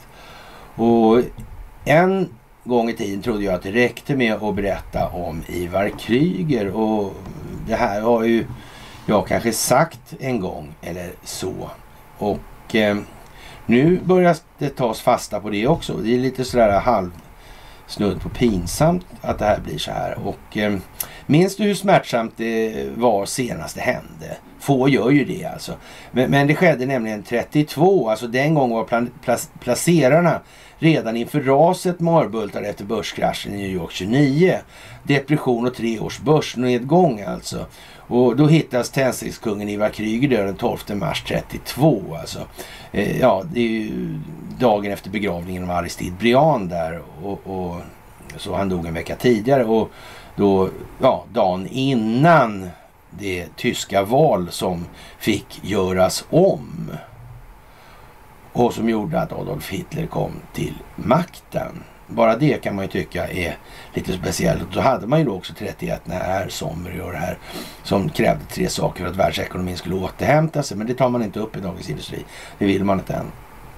Men det kommer kanske, man vet aldrig. Om de inte hinner lägga ner innan förstås. Alltså. Eh, där är vi inte nu då, men även om Swedish Match tändstickor då är på väg bort igen. Och där kan man tillägga då att eh, när det gäller Swedish Match då, den amerikanska delen, det var den här Hewitt då som förhandlade med Wallenberg om att avsätta Hitler då med Himmler i det här. Så, så vi är inte skit långt bort alltså. Det är som det är nu här. Och så. Ändå känns skillnaden mellan euforiska postpandemiska 21 då börsen skrev, steg med 39 procent inräknat utdelningar och årets sura inredning då Sixarex har backat med ja, 27,9 procent som det. U-svängen är total. Fredag blir krig och rusande energipriser. Den tillfälliga inflationen har visat sig vara mer ihärdig och eh, den sömniga obligationsmarknaden har efter 30 år blivit det spöke som den en gång var. Centralbankerna som har strösslat med billiga pengar har tvingats krypa till korset, höjt sina styrruntor och krympt sina balansräkningar för att mota våra inflationsförväntningar. Tron på en utdragen högkonjunktur har förbytts i rädsla för att räntehöjningarna och inflationen ska ge oss recession. Och den sämsta av världar, stagflation alltså. Det som överhuvudtaget inte fanns som var ett på köp då av en typ som mig då. Ja, Aktieplacerarna i fjol höga på tillväxtbolag, förvärv och investmentbolag och fastigheter har i år flytt till bolagen som förväntas klara sämre tider bäst alltså. Och det här är Dagens Industri, den värsta starten på 90 år alltså. Men man ger bara delar av sanningen. Som sagt, men man är inne på den vägen i alla fall. Där det gives möjlighet att hitta de här sakerna. Och det är en väsens stor skillnad nu alltså. Ja, det är ju fantastiskt att konstatera det här politiska klimatet. Den politiska moralen. Den moraliska kompassen har som begrepp börjat dyka upp, i, dyka upp i olika sammanhang. Och en del människors moraliska kompass verkar deviera, eller verkar deviera ordentligt alltså. Och gå fel alltså. Mm. Avvika från vad som skulle vara för att vara verklighet alltså. Och en verkligen lämplig marionett då för att belysa den politiska adelns verkliga moraliska hemvist, alltså att det är den filosofiska materialismen, alltså egennyttan som styr politiker. Och att dagtinga med sin moral har hittills varit den enda politiska vägen till eftersökt framgång. Och, och ja, det är ju bara så. Och, och, därför så dör det här politiska systemet nu alltså. Det duger inte med att liksom säga det här är bäst för alla så kan alla se. Det är det ju inte alls det att du tar alla tillgångarna. Det är väl inte bäst för alla? Det är ju bäst för dig tycker du. Men ingen annan tycker det är bättre för alla. Nej. Och så. Och eh, ja, en herr Nilsson då, den här apan i Pippi Långstrump då, men det, ja, det här är en annan i alla fall som har med vindkraft att göra då. Han delar bilden av, eh, ja, de här taskskådespelarna dör alltså nu. Men i alla fall, den här Nilsson då, han delar bilden av att SD tidigare har varit negativa till vindkraftsbyggen i kommunen. Därför är han nöjd med vändningen från Louise Eriksson i Sölvesborg alltså. Och resten av samstyret som partikoalitionen i Sölvesborg kallar sig då. Det är roligt och väldigt bra att de vågar göra det här. Vi vet ju att kommuner överlag säger nej till vindkraftsprojekt numera. Säger herr Nilsson då. Från Pippis axel. Ja han fortsätter. Det är väldigt viktigt för oss att kontrollera stödet från politikerna. Det kändes avgörande att de ställde sig positiva. Vänta nu, vad sa han? Det, är väl, det var väldigt viktigt för oss att kontrollera stödet från politikerna. Men jaha, är det så det går till alltså? Man kontrollerar stödet från politikerna? Jaha. måste vara en felskrivning. Så där kan man inte formulera det. Det där kan ju definitivt misstolkas. Ja, nej, ja det måste ju vara fel. Louise Eriksson anser inte att det faktum att hon bor i vdns hus påverkar hennes ställningstagande om vindkraftsparken. Eh, det hade gjort mig till en korrupt politiker. Sådana saker måste man skilja på. Det är väldigt viktigt, säger Louise. Det måste också vara en felskrivning.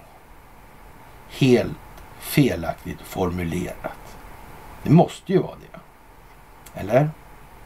Hur är det här egentligen? Ringer ingen klocka? Ingen alls? Nej. Mm. Ja, man blir ju lite så. Tjosan tjohejsan ja. Oj vad det svänger ja. Mm. Ja. Och som sagt, och därför blir då gamla SD glada över att ha gått över till AFS då. Och de är ju Wallenberg-beundrare av stora mått AFS. Alltså det är fantastiskt. De, eh, alla har ju hört då hur Gustav Kasselstrand verkligen mm, liksom går ut mot globalisterna i det här alltså. Ja. Mm. Och inte alls säger att nej, men de har gjort en massa bra saker för Sverige. De har gjort det. Det är det som kommer nu. Mm. Jag vet inte om man ens ifrån den lite mer etablerade politiska adeln ens lyckas idiotförklara sig själv så mycket. Som att dra fram argument de har gjort rätt mycket bra alltså. Ja, det är därför det pågår åtal om människorättsbrott och, och sådana här saker. Och när det gäller då de här monopolsituationerna man har skapat i andra länder. Jag är säker på att gruvdriften i många länder hade mått bättre av att ha mindre Atlas Copco och ha lite mer av annat istället. Jag tror inte kraftförsörjningen hade eh, försämrats av att ha lite mindre inslag av ABB. Och, och speciellt som den ABB-situationen sitter i kombination med telekominfrastrukturell kontroll. Ja. Jag är inte säker på det här faktiskt. Det, det är ju klart att jag kan ha fel alltså. Mm. Ja, ja, ja, ja, men som sagt, de har gjort mycket gott för Sverige. Ja. Jaha, i maj kom chockbeskedet från Tillväxtverket att myndigheten vill ha tillbaka 2,5 miljoner från Giffarna Sundsvall. Det rörde sig om det så kallade coronastödet alltså. Och ja, i Calcutta har man ju rätt så djupt sittande problem alltså. Det är, är rotfyllning som gäller här om det ska vara något alltså. Det, det är bara så alltså. Det där får man tänka lite på alltså. Det här med Skife och Giffarna och allt det här alltså. Var inte, Gi, var inte eh, de här, de här GIFs, men var inte, var inte Deripaskan sponsor där också? Precis som Mitthögskolan. Mm. Det finns, eh, det skapas en viss känsla om man ser på helheten i de här sammanhangen. Att det är ett antal eh, individer och människor i de här sammanhangen. Då är, eller då att man har då till exempel det här med ja, geofencing, alltså på de här sparkcyklarna. Samtidigt som Skifi skjuter upp då eller får uppskjutet, eller rättare sagt åklagarmyndigheten väljer att inte väcka åtalen. Och det beror ju antingen då på eh, att det, eller det beror på att någonting är förändrat och det kan ju möjligen vara så att det inte är då eh, ja, att, att härvan krymper. Det kan ju vara något annat. Det kan ju vara kanske åt andra hållet alltså. Och, och det här med, med ja, spatialdatan där alltså. Man hämtar in fyra år tillbaka. Mm, det blir mycket grejer det alltså. Som sagt. Mm.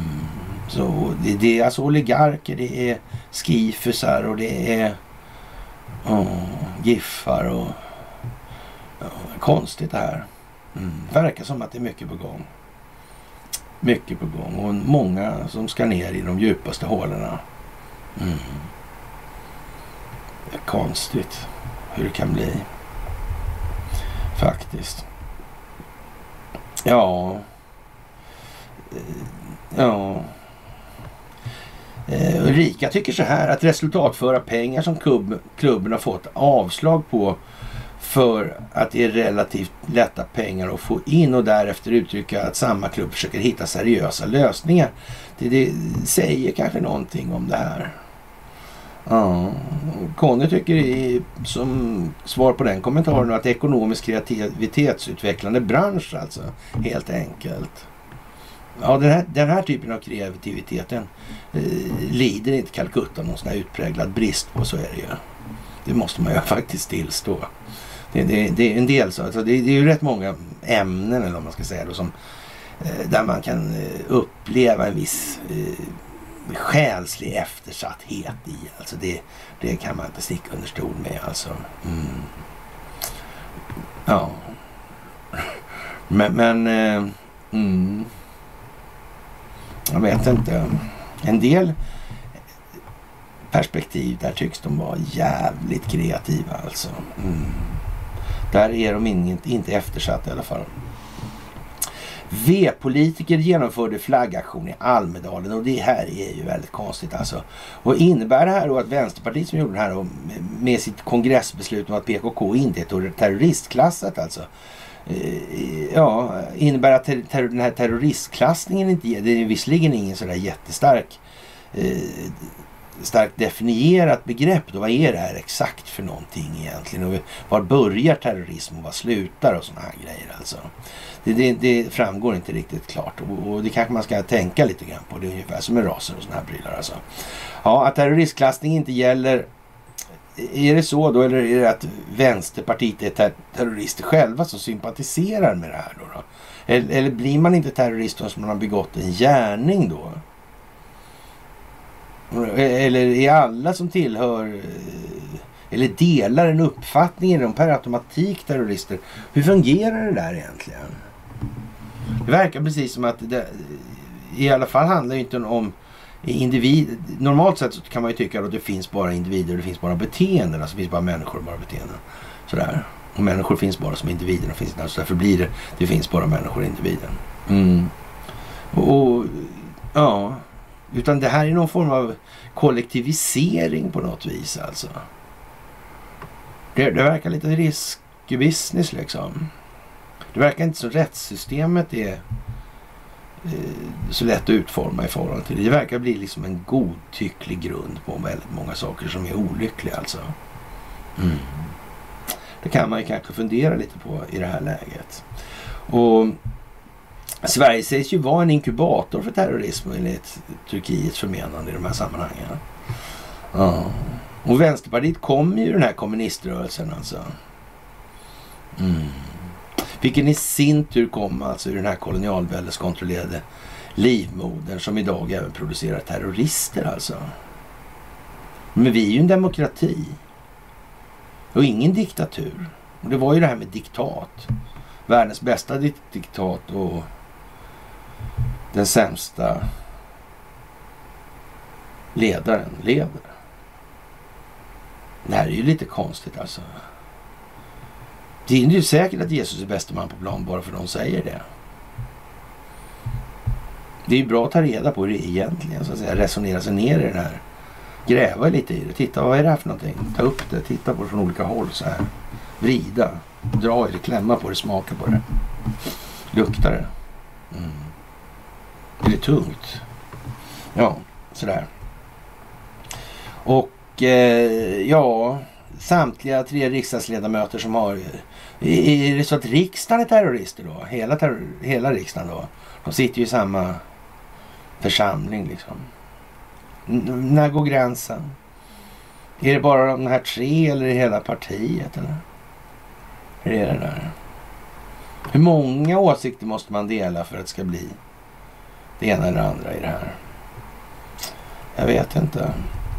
Vi står alla bakom det här, säger Lorena Delgado Varas till Aftonbladet. Alltså. Eh, det står även bakom det av EU terrorstämplade kurdiska arbetarpartiet PKKs flagga menar hon. Alltså.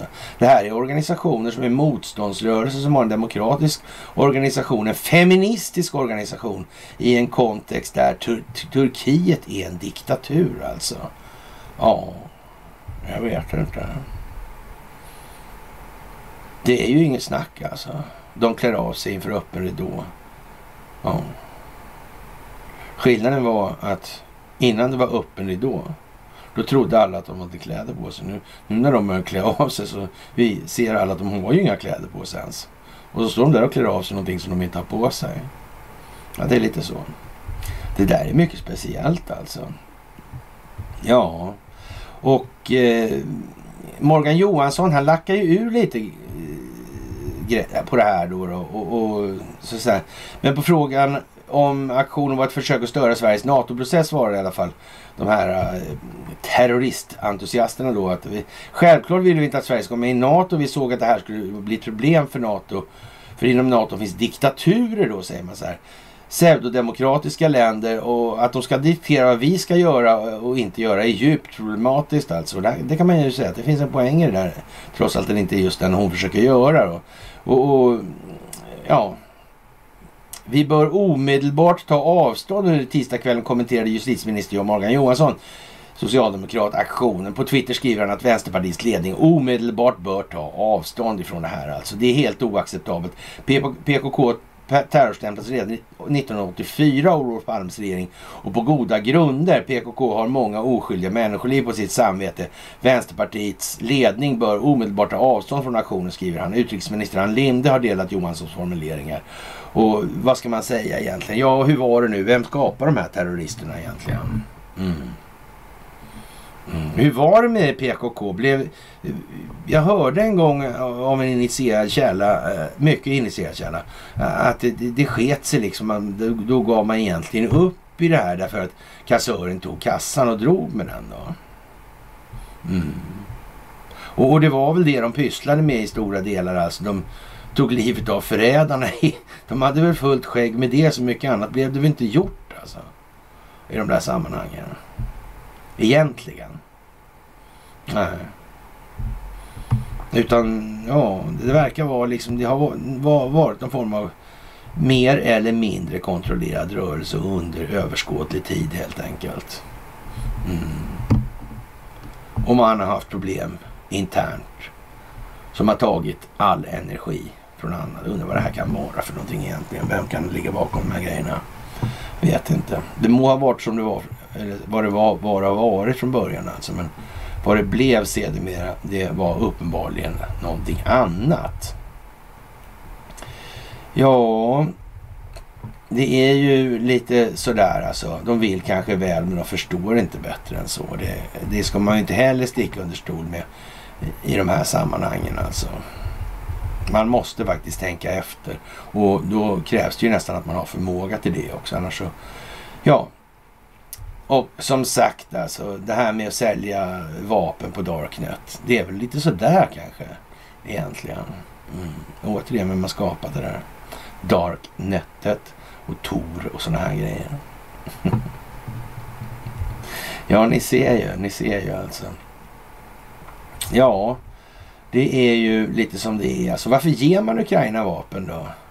Och, och, system som inte ens kan användas, inte ens i någon taktisk mening på grund av bristande kompetens. Vad ska man med de här jävla artilleripjäserna till? Vi har pratat med det från början i de här sammanhangen. Alltså, om man säger så här, man börjar använda de här. Alltså problemet med de här systemen är att de är komplicerade. Alltså. Det går liksom inte att, att använda dem skjuta några enstaka granater sådär initialt kan man ju möjligtvis på sin höjd lyckas med. Alltså, men problemet med den här typen av system att det finns motsystem då. Och börjar man skjuta artilleri så finns det något som heter ABEC då, eller artilleribekämpning. Och den här ABECen är, är liksom inte som, den är inte som, ja, familjen, från familjen Flintas tid liksom. Och det, det, är lite annorlunda alltså. Det är lite annorlunda helt enkelt. Och, och, man har alltså en ganska kort tidsrymd på sig att avge verkanseld och, och sen måste man vara därifrån för sen regnar det ner grejer på den platsen där man står annars alltså. Det, det går jättesnabbt då. Mm. Så, och, och, det finns ju inga omständigheter man kan liksom eh, frambringa personal nog till att hantera den här typen av enheter i förband. Du får ju ha en enstaka pjäs som du åker med. Då får du ju annars ingen yteffekt i mål att tala om. Så. Och de här skjuter ju alltså i, i det står ett antal sådana här pjäser beroende på hur stor den här, eller det här förbandet är alltså. Och, och, ja, det är för att man ska få verkan i målet över större yta. Alltså det är ytförband, eller yttäckande eld det här handlar om. Mm. Och ändå så skriker man på det där. Man vet ju att det där är värdelöst alltså. Men det förstår inte människor i allmänhet att det här är. Utan man gapar på där. Och, och ja, vad ska man säga? Det blir ju i alla fall inga större eh, skärmytslingar då när, när all den här militära materielen är konsumerad av Ukraina då, eller förstörd då i Ukraina av ryska enheter. Och någon större nytillverkning lär inte komma till stånd. Nej. Och speciellt inte det ekonomiska klimat som växer fram i ljuset av det valutafinansiella systemets haveri. Mm. Det är väldigt konstigt. Ingen kunde räkna ut det här innan. Det är inte planerat på något vis. Det bara blir så här ändå alltså. Mm. Ja, man kan ju säga att det råder ju en viss naturlagsmässighet i utvecklingen, absolut. Men att de inte kunde åstadkomma bättre. Det här blir ju inte något bra för den djupa staten. Jaha, det bygger på att den djupa staten existerar inte. Vi har det där, det där igen alltså. Det är det det handlar om. Alltihop alltså. Jag missade det helt alltså. Ja, ja, ja, ja. Och Ryssland invaderade dem i runda slängar 1 till 3 förhållande alltså. En anfallande soldat per tre försvarande. Normalt sett kan man säga så här att det, eh, så ser inte styrkeförhållandena ut alltså. I de här sammanhangen. Man måste liksom ha lite... Mm, eh, ja, tre till ett är, är ju liksom lite det. Alltså man har tre stycken som anfaller och en som försvarar. Mm. Men det omvända, det är ju, verkar jättekonstigt. Alltså man brukar ju säga att det är fem till ett också. I, beroende på, på vilken typ av strid det handlar om. Alltså. Men någon som har grävts ner sig ordentligt och minerat och hej och hå. Liksom, då får man ju vara några stycken om man ska råda bot på varje soldat i den meningen. Och varför finns det inga bilder eller upp, det finns inte ens uppgifter på att ukrainska förband slår och tar terräng till exempel och, och ryska förband flyr hals över huvudet. Det är konstigt. Förstår Magdalena Andersson det här? Hon gör väl nästan det. Att det är liksom, någonting måste hon ju förstå som statsminister. Hon kan ju inte vara helt tappad. Hon kan ju inte vara lika tappad som ja, statsministerns protokollavdelning i alla fall. Som inte har en aning om någonting om hon hade folkdräkt på sig häromdagen. Hon sa ju själv att hon hade folkdräkt på sig. Den här konstiga tröjan. Eller tröjan med stickade axlarna eller vad det var. Mm. Jag vet inte. Hon borde förstå alltså. Det här. Mm. Och ändå så gör hon så här. Mm. Ja, som sagt, hon är i alla fall som det ser ut lojal mot sin man. Och eh, ja, vem vet hur det här är. Den här skjutningen som var Highland Park, Illinois alltså. Det här var ju väldigt speciellt alltså. Det måste man väl säga alltså. Mm. Det leder alltså till att Antifa blir inblandad i det här alltså. Det där var en riktig Antifa-sympatisör. Mm. Ja, vad skulle hända om det skulle bli krigslagstiftningar? Kanske inte svenska krigslagar heller ens. Nej. Tänk om det skulle vara så att Sverige befinns vara delaktig i brott mot amerikanska konstitutionen. Till exempel har lagt sig i det amerikanska valet. Crowdstrike kanske finns inblandat i det där. Och Hillary Clintons server också förresten. Det blir Benghazi och så vidare. Ja, kan det vara så alltså? Telekominfrastrukturen. Verizon. Ja, ja, det skulle kunna vara så alltså. Men då är det ju tur att vi är med i NATO menar jag. Mm, det är bra. Då. Mm. Då har vi redan många amerikaner på plats menar jag. Ja, ja, ja, Råkar ni vara förstås. Ja. ja. Och ingen kommer ju kunna klaga nu på att Antifa klassas som en terroristorganisation efter den här skjutningen heller. Nej, nej. Ja, det där är ju lite udda, får man ju säga. Det måste vi hålla med om helt enkelt. Jaha, och eh, man får väl nästan säga eh, som sagt det här med energipriset alltså. Och, ja.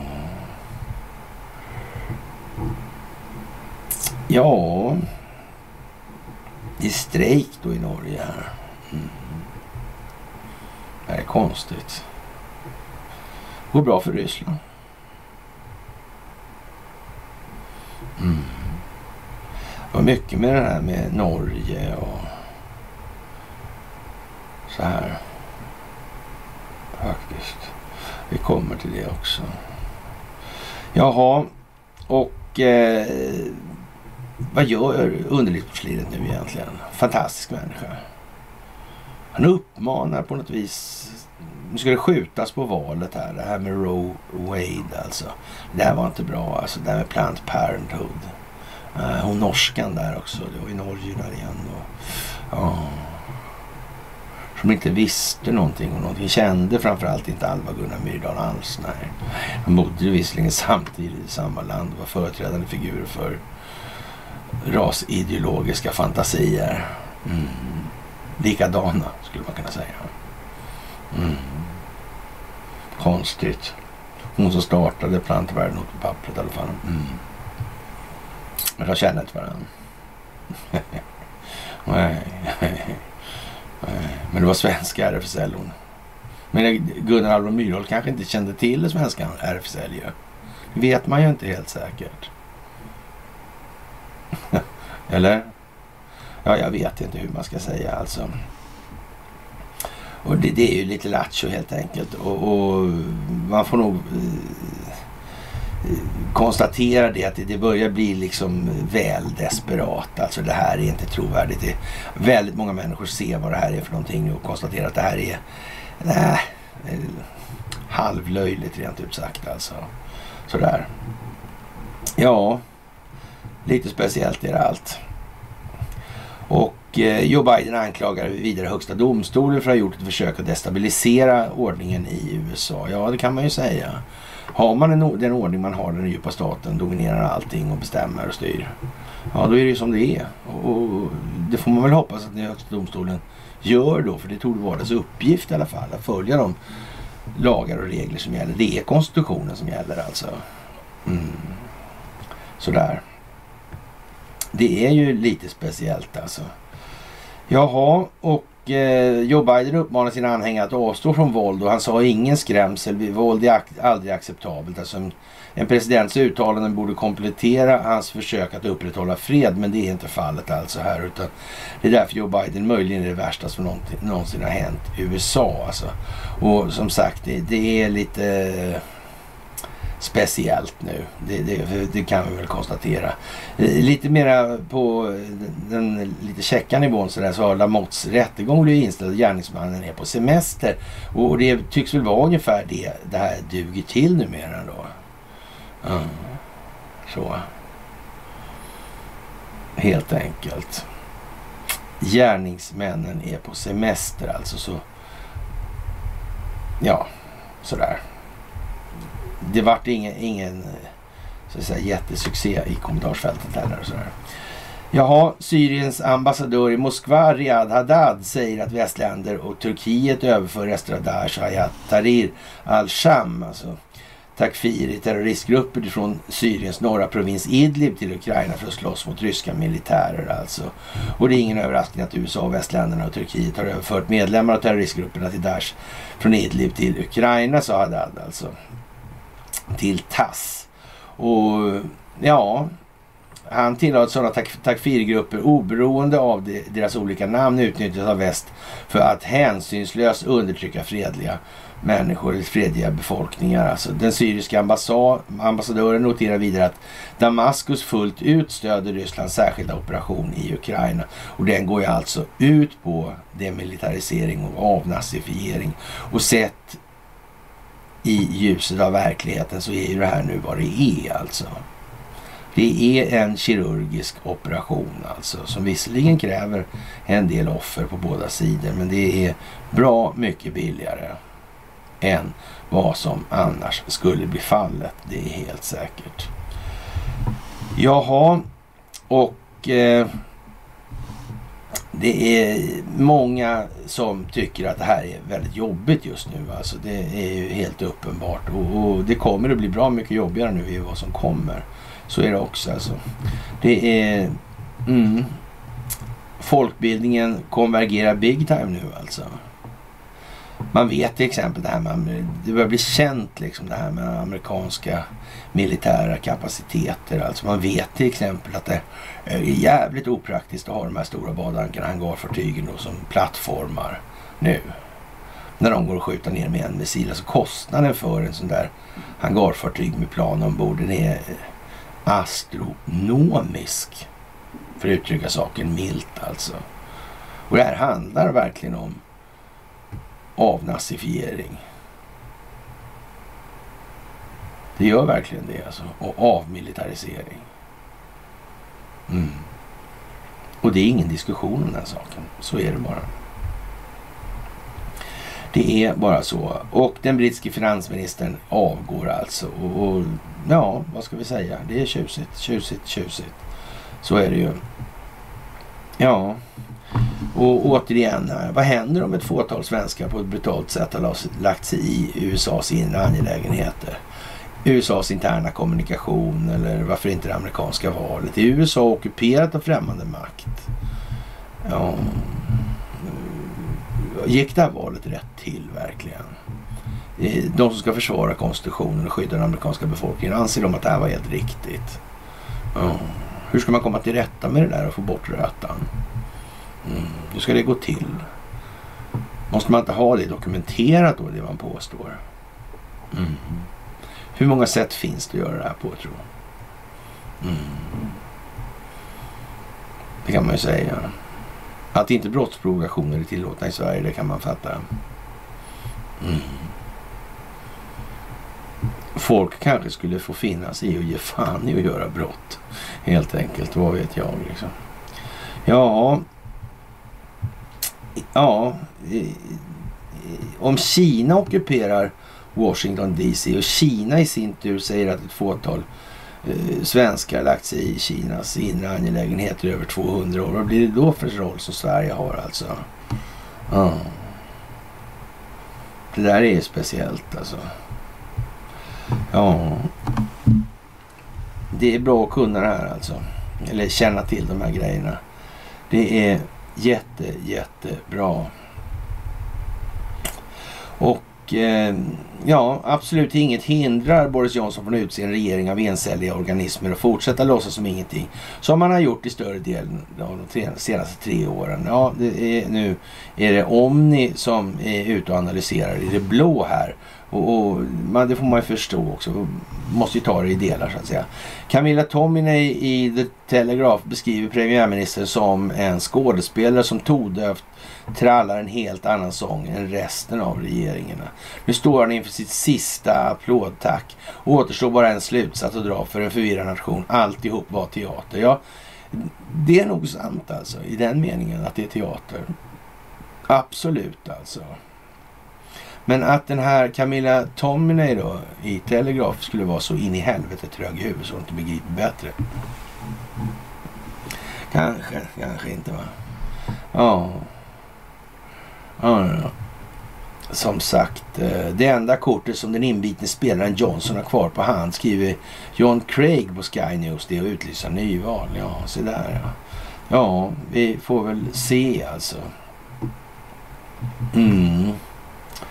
Det är som det är kort sagt. Alltså. Torget framför den brittiska ambassaden i Moskva är uppkallat efter folkrepubliken Luhansk alltså numera. Och det offentliga utrymmet som inrymmer den brittiska ambassaden i Moskva har döpts om till Luhansk People's Republic Square alltså.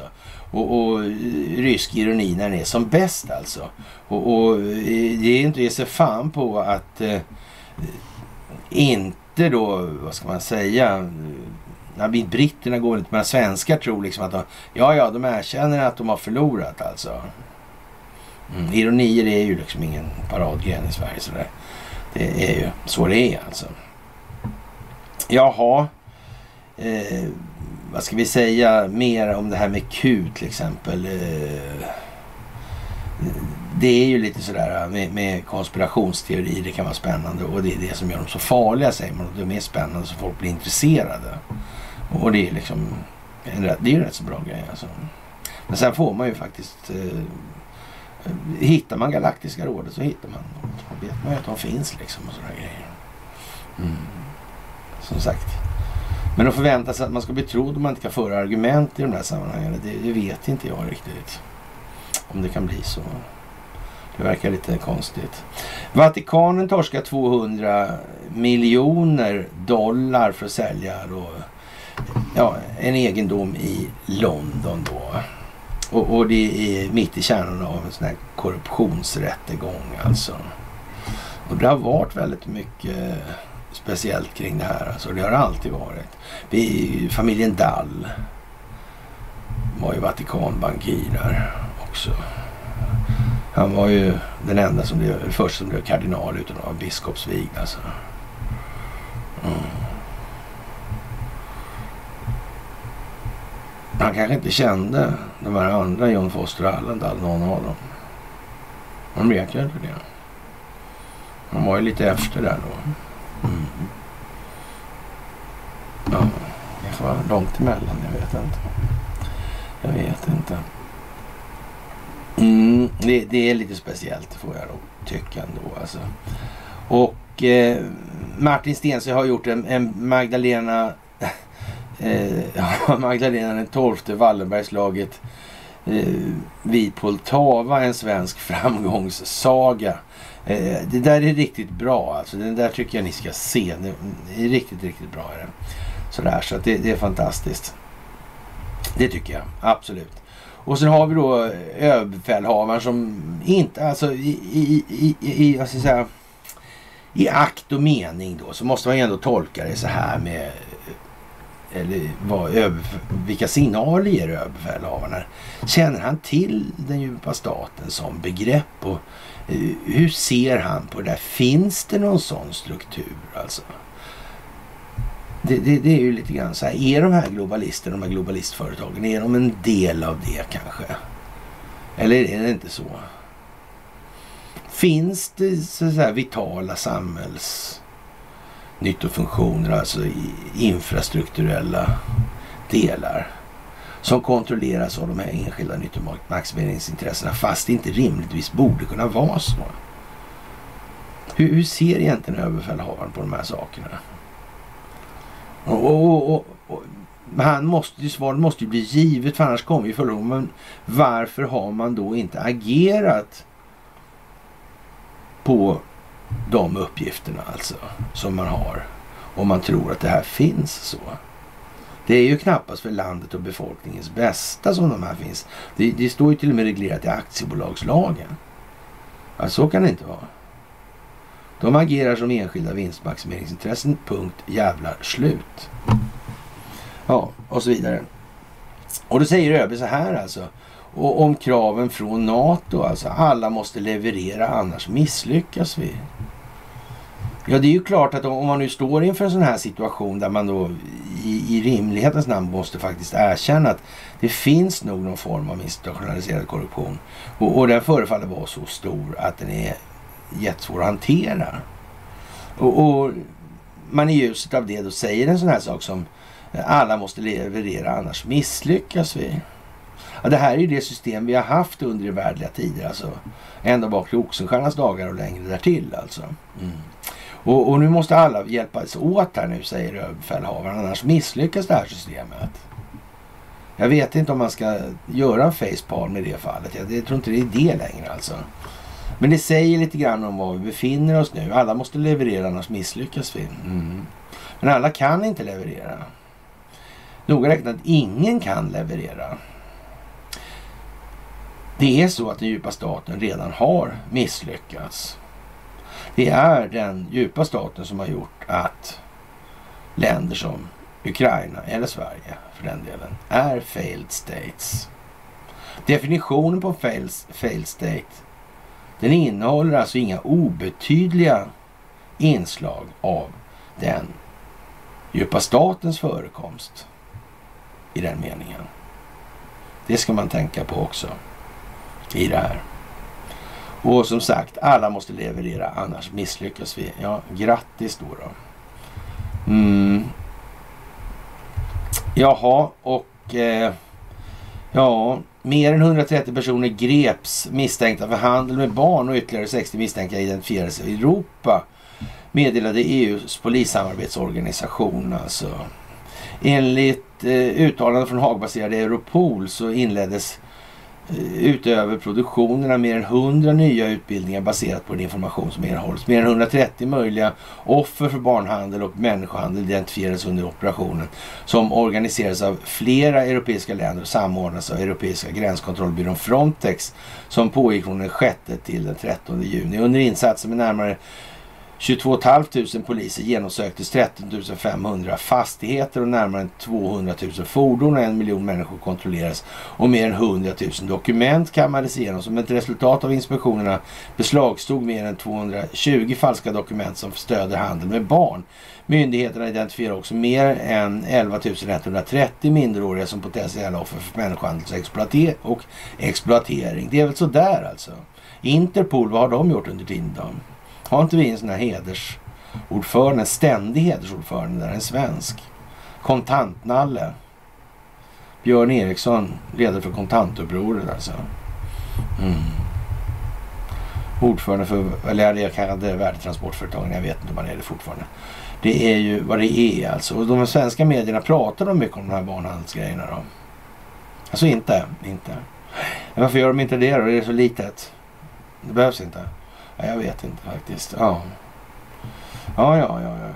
Konstig grej alltså.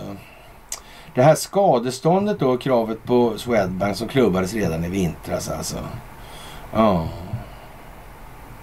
Det där är konstigt alltså. De är varken Pensionsmyndigheten eller Swedbank vill förklara det här liksom på något vis. Det verkar ligga någonting ändå. Alltså det var ju det där med, med Finansinspektionen också där. Och så var det där med SEC och IRS. Det verkar ju vara jävligt märkligt det här alltså. Det hänger kanske inte ihop. Jag vet inte. Kan det göra det? Hur, kan det hänga ihop då tror du? Ja. Det, det, får man fråga sig nästan alltså. Och den här Falcon Funds-härvan alltså. Ja, jävligt märkligt. Ja, ja, ja, ja. Och EUs nya plan för att stoppa Ryssland är en parodi i sig själv alltså. Och, och ja, allting man gör nu tycks ju drabba de som gör det i det här hela tiden. Det verkar arslet bak helt enkelt. Ja, fantastiskt. Fantastiskt. Det är ju speciellt alltså. Big time alltså. Och det här med eh, folk är lite brydda inför det här med patriotism och nationalism och fascism och sådär alltså.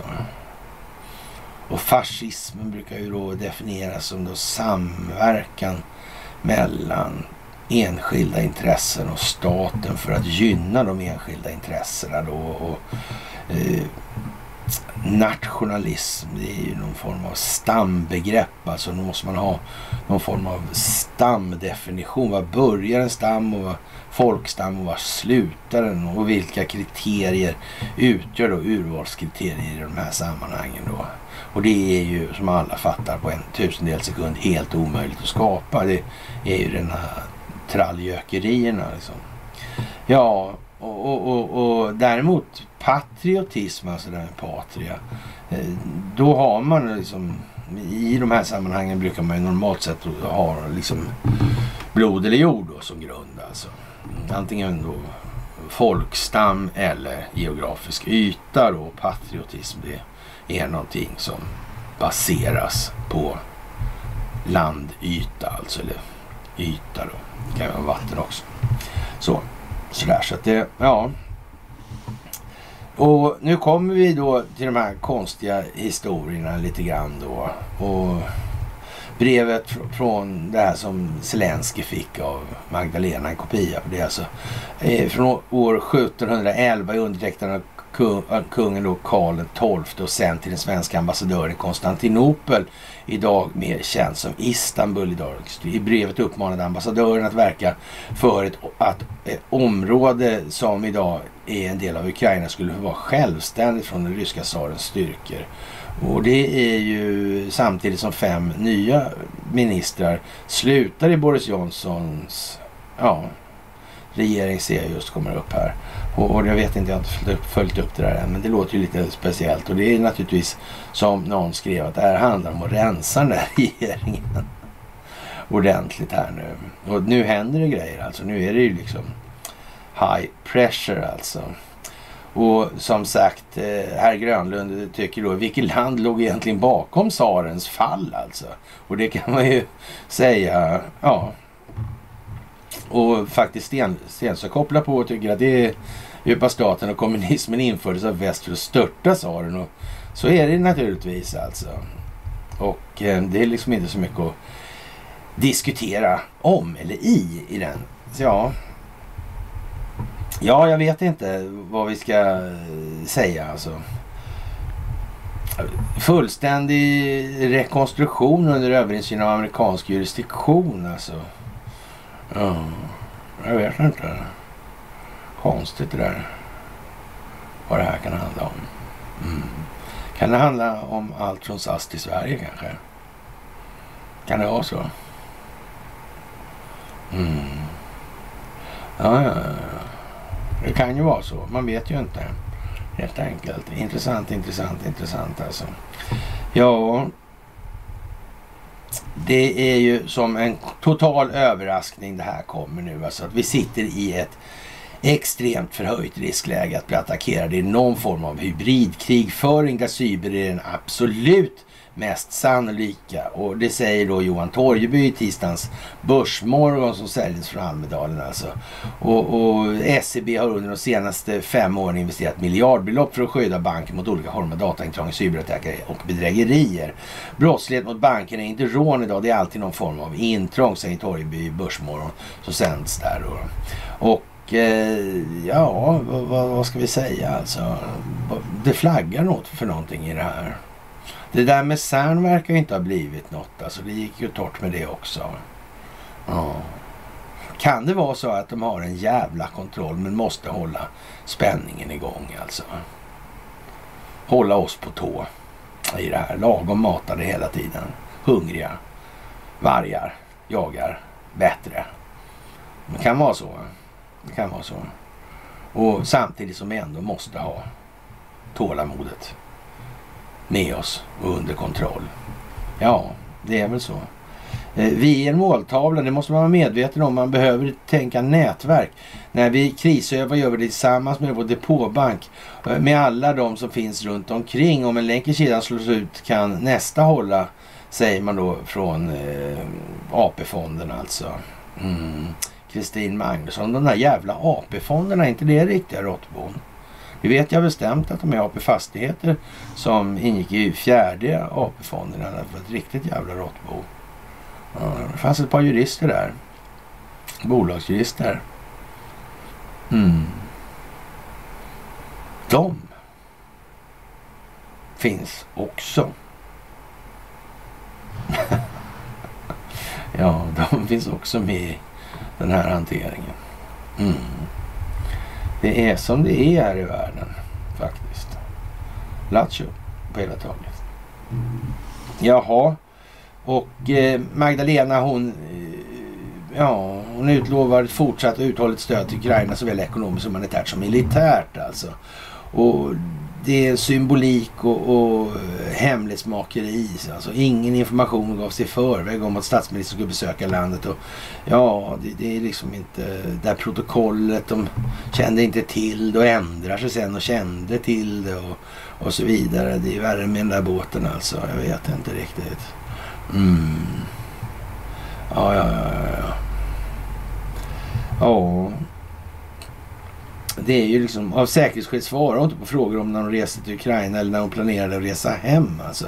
Andersson avslöjar först under webbsändningen att hon besökte städerna Butja och Borodjanka utanför Kiev. Butja var en plats för massaker, en massaker där upp mot tusen civila dödades den första april i år. Och Borodjanka dödades flera civila under hårda artilleriattacker i inledningen av kriget. Vem var det som sköt den här artillerielden då? Jag står inte riktigt. Nej, faktiskt. Och det var viktigt för Magdalena att se det här med egna ögon alltså. Mm. Ja, ja, det kan man ju tycka. Andersson var klädd i traditionell ukrainsk blus och hon hade eh, med sig ett brev från Riksarkivet eh, som Karl XII skickade redan på 1700-talet för att uttrycka sitt stöd för landets självständighet från den ryska tsaren. Gåvan var uppskattad enligt Andersson. Alltså. Eh, det, finns, eh, det är klart att det finns en mycket stark symbolik i det brevet, sa hon. Ja, ja det, det är ju liksom speciellt alltså. Ja, får vi nog säga. Och eh, som sagt, kopplingen mellan Elise Ottesen Jensen och Alice Wallenberg måste vara skrubbad ifrån nätet alltså. Och, och båda var alltså hängivna rasideologer och bodde samtidigt i Stockholm alltså. Och, och det, det, är ju liksom som det är med det här helt enkelt. Och hon, Madame Wallenberg där och eh, Alice Olga Konstans Wallenberg, Konstans Wallenberg alltså. Ogift Nickelsen född 1858, dåvarande Christiania, Norge. Död 56, 1956, Skeppsholms i Stockholm alltså. Och hon var en, med dagens termer också en norsk-svensk filantrop. Hon var från 1878 gift med finansmannen och politikern Knut Wallenberg. Eh, 53 till 1938 alltså. Och eh, genom deras donation på 20 miljoner kronor skapades Knut Alice Wallenbergs stiftelse. Wallenberg var styrelseledamot i Svenska sällskapet för rashygien. Jag vet inte om vi behöver gå in på att hon kanske hört, hade hört talas om eh, eh, Margaret Sanger alltså. Och, och, naturligtvis Ann Linde och compadres där de är i farten i det här svängarna hela tiden. Mm. Hela tiden nu. Och det blir bara värre. Det blir bara värre. Och Sverige är vad det är i de här sammanhangen. Och eh, så är det. Med eh, det, kära vänner. Jag kanske ska nämna då också att Sverige har då Eh, blivit formellt inbjudna som medlemmar nu. Alltså, och det öppnas för ratificering av de 30 länderna i NATO. Och, och ja, vad det leder till sen, det är ju som sagt intressant. Alltså en annan detalj som vi har pratat om mycket i olika chattar och det där. Har Valmyndigheten och Skattemyndigheten manipulerat röstlängderna i Sverige? Mm. Och är det tidningarna och de som driver på det här med... Mm. Kan det vara så? Det skulle kunna vara så faktiskt. Det skulle kunna vara så alltså. Och eh, ja, Mikael Damberg till företagen. Man får inte passa på att smyghöja alltså. Det är bara så. Och, och Eh, finansminister Mikael Damberg manar till ansvar i finanspolitiken för att bekämpa inflationen. Men även företagen måste agera. Man bör inte dra upp vinstmarginalerna anser han. Jag tror att de kommer bli synade om det visar att de har passat på under den här inflationsekonomin, säger finansministern Okej, okay, Okej, vi, vi, vi fattar där att, eh, ja det där är ju liksom eh, lattjo. Nu. Vadå prishöjningar är ju inflation. Vad snackar han om? Mm. Vi går, alltså, man kan inte höja priserna när inflationen Då är det ju redan prishöjningar. Eller är det extra prishöjningar? Eller blir det inte extra inflation då? Eller? Vad menar karln egentligen? Eller är det optik? Är det meningen att folk ska förstå det här nu? Kan det vara så? Jag vet inte. Jag vet helt enkelt inte. Ja, det är speciellt. Det får vi nog fan säga alltså. Helt otroligt alltså.